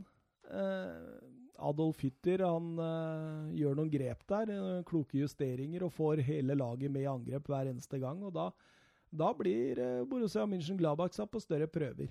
Ja. Eh, ikke ufortjent når Dani da Costa setter inn en redusering heller, men jeg føler jo liksom at dette er her etter hvert blir en grei reise for uh, München-Gladbach. Ja, altså, du, Hvis du tar det helt fram til dommeren blåser av kampen, så er det jo en fullt fortjent seier. Det er ikke noe, ikke noe å si på det. Det er 32 år siden eh, München-Gladbach hadde så mange poeng på dette stadiet av sesongen. Mm. Eh, Dennis uh, Zakaria er Fantastisk, altså. Du viser meg et eh, resultat i ligacupen i, i England nå. Ja, det er kaos. ass. 5-5, og Liverpool vinner 5-4 på straffer. Det er Det er jo typisk Arsenal. da. Ja, det gikk ikke helt veien nå heller, gitt. Eh, Veit du om eh, Sjaka spilte, eller? Nei, det sjekka jeg ikke, men Det er jo eh, kanskje det mest uh, spennende men med hvem, kampen. hvem er det som skårer fem mål på Anfield og ikke vinner? Det er Arsenal. Det er Arsenal. Det er Arsenal. Det får ikke vært noen andre lag enn en Arsenal, skal vi se. Det har sikkert vært en artig kamp. Ja, nei, eh, det er ingen Sjaka. Oi, oi, oi, oi. Det blir spennende å se til helga, da. Nei, han var ikke på benken heller, faktisk. Nei. Skal vi dra over ukens uh, talent? Skal vi høvle over den? Skal vi høvle over dem? Mm. Vi må jo ha en eh, ny en. Uh, sist var det Troy Parrott, uh, Aduniemi og Katterbach som Søren kom med. Ja. Denne gangen så har du Jeg har portugisisk Fabio Silva. Tidenes yngste målskårer i NOS-ligaen, eller Liga NOS om du vil, i Portugal. Eh, er født uh, 19.07.2002. Det gjør han til 17 år. Han spiller midtspiss og er altså ja, 1,85 er han opplyst med, i hvert fall, uh, i høyde. Uh, Forsen hans er, er eh, hurtighet. Han er en typisk eh, målfarlig spiss. Eh, altså en som dukker, dukker og bakromspiss. Han har rukket å få tre Oi sann. Nå fikk jeg noe kluss på skjermen, så jeg ser ikke. han har rukket å få tre kamper for U19-landslaget til Portugal. Han har skåra tre mål. Han har ja, han er kjapt regna ut, så har han allerede passert 40 U-landskamper for, eh, for Portugal. Det i en eh, periode hvor Portugal produserer stortalenter på løpende bånd. og rad. Uh, han, som jeg nettopp nevnte, han kan best i som midtspiss, men kan også spille hengende spiss. Eh, ja, jeg satt som sagt og så på han litt, eh, litt highlights fra, fra kampene han har hatt i år. og Nei, altså Jeg sa jo Myron uh, Boardou, eh, Ja. som er en av de jeg har satt på som jeg har virkelig trua på. Men, eh, men av det lille jeg så litt, han. Ja, han putter jevnt og trutt, han. Men av det lille jeg så av Fabio Silva Han er altså to år yngre enn eh, Boadou. Og nei, han så ut som eh, noe meget, meget godt på gang der for, eh, for Porto. Så får vi se. Han er som sagt fortsatt ung, men jeg tror han kan bli, eh, bli meget viktig for eh, Porto. Og eventuelt eh, selges dyrt. Kanskje allerede om to-tre år. Det er vel det sannsynligvis han blir. Han blir ikke så viktig for Porto, tenker jeg da. Han Bidrar i kassa. bidrar økonomisk. Det er vel det som skjer. Det samme kan vel kanskje sies om min, min spiller, Mats. Det Mhm. er mm. Tiago Almada. Bare navnet Tiago får jo noe til å krible litt, egentlig. Ja, du har en i Bayern, og så har du jo en sønn da, av en uh, viss Messi som har samme navn. Ja.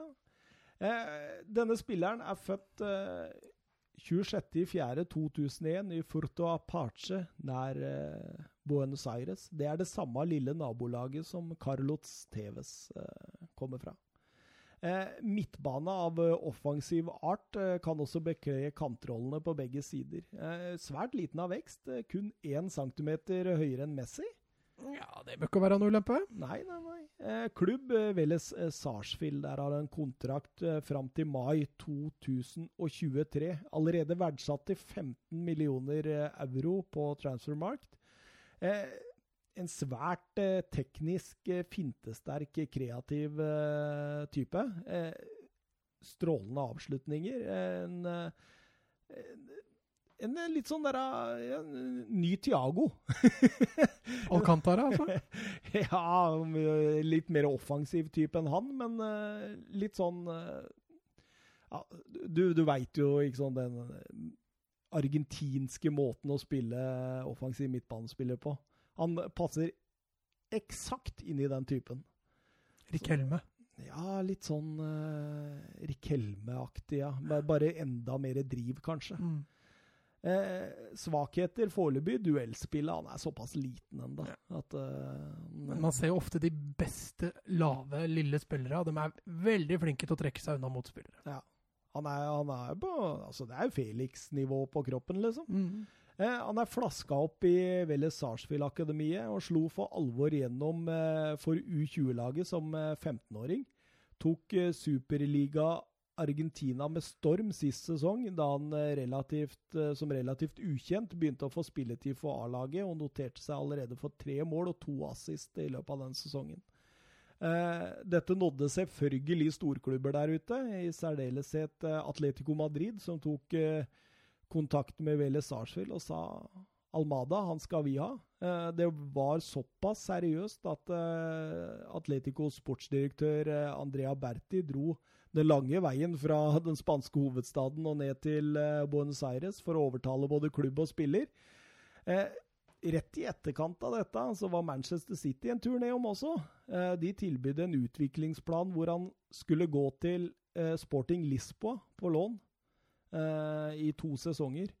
Eh, men Almada sammen med sin argentinske agent eh, Augustin Jimenez, som også har Angel Korea i stallen sin, eh, ble enige om å fortsette utviklingen i Sarsfield. Eh, Så langt denne sesongen i Sarsfield har han to mål på ni kamper og er fast inventar, tross i lunga alder. Og sammenligningene hagler jo med både Rikelme og eh, Messi og Maradona. Så det er jo eh, mye å leve opp til her. En eh, spennende spiller, rett og slett. Tror han kommer til å komme til Europa i løpet av et par-tre år. Så Ja. blir det spennende å se. Spennende. Men, Ja, da har vi to nye der, da. Ja. Åh, og programmet er ferdig? ja. Har du noen forslag til hovedkamp neste runde? Jeg, jeg kikka litt på det. Det var tynt. Ja, det var ikke så veldig mange store oppgjør der. Eh, men vi finner vel en kamp, gjør vi ikke det? Ja, altså ser i Italia, så er vel eh, største oppgjøret der er vel kanskje Torino-oppgjøret. Torino-Juventus, eller så har du Roma-Napoli, da. Det er vel, eh, er vel kanskje det største i uh... Vi har et par frekke i Tyskland. Ja, det var jo Leverkosten-Gladbach, tenkte jeg kanskje. Dortmund-Wolfsburg. Det kan jo være en mulighet. Eh, Ellers eh, i England er det veldig sånn lag som de største er favoritter. Eh, Nei, skal vi sette kamp, eller skal vi gruble litt på det? Jeg kan godt sette kamp. Jeg er med på enten Leverkosen Gladbach eller Wolfsburg-Borussia. Altså. Da føler jeg egentlig litt for eh, Ja. ja, den var vanskelig! Den er litt vanskelig. Altså, jeg, jeg tenker jo vi må sette den kampen som har mest underholdning, potensiell underholdningsverdi. Ja. Eh, og hvem er best offensivt av disse laga der? Eh, Wolfsburg er jo sånn som stenger av. ja. Jeg føler Leverkosten Gladbach kan bli artigere enn eh, Men samtidig så hadde det vært litt moro at Wolfsburg når med Søren Dupker Ja, ja. Og det kan godt hende han sitter i denne stolen neste, neste runde. Eh, kanskje vi skal høre med Søren, og så hvis Søren er med, så kjører vi Dortmund-Wolfsburg. og hvis han ikke er med, så kjører vi Leverkosen-Borussia München-Gladbach. Ja. Ah. Ja, vi blei jo faktisk ferdig før tolv. Ja. Det tok bare to og en halv time. Deilig. Tok det to og en halv time? Nei, to timer og 18. Ja. Hvis vi sier ha det nå, så, så er det relativt greit, er det ikke det? jo. Ha det. Ha det!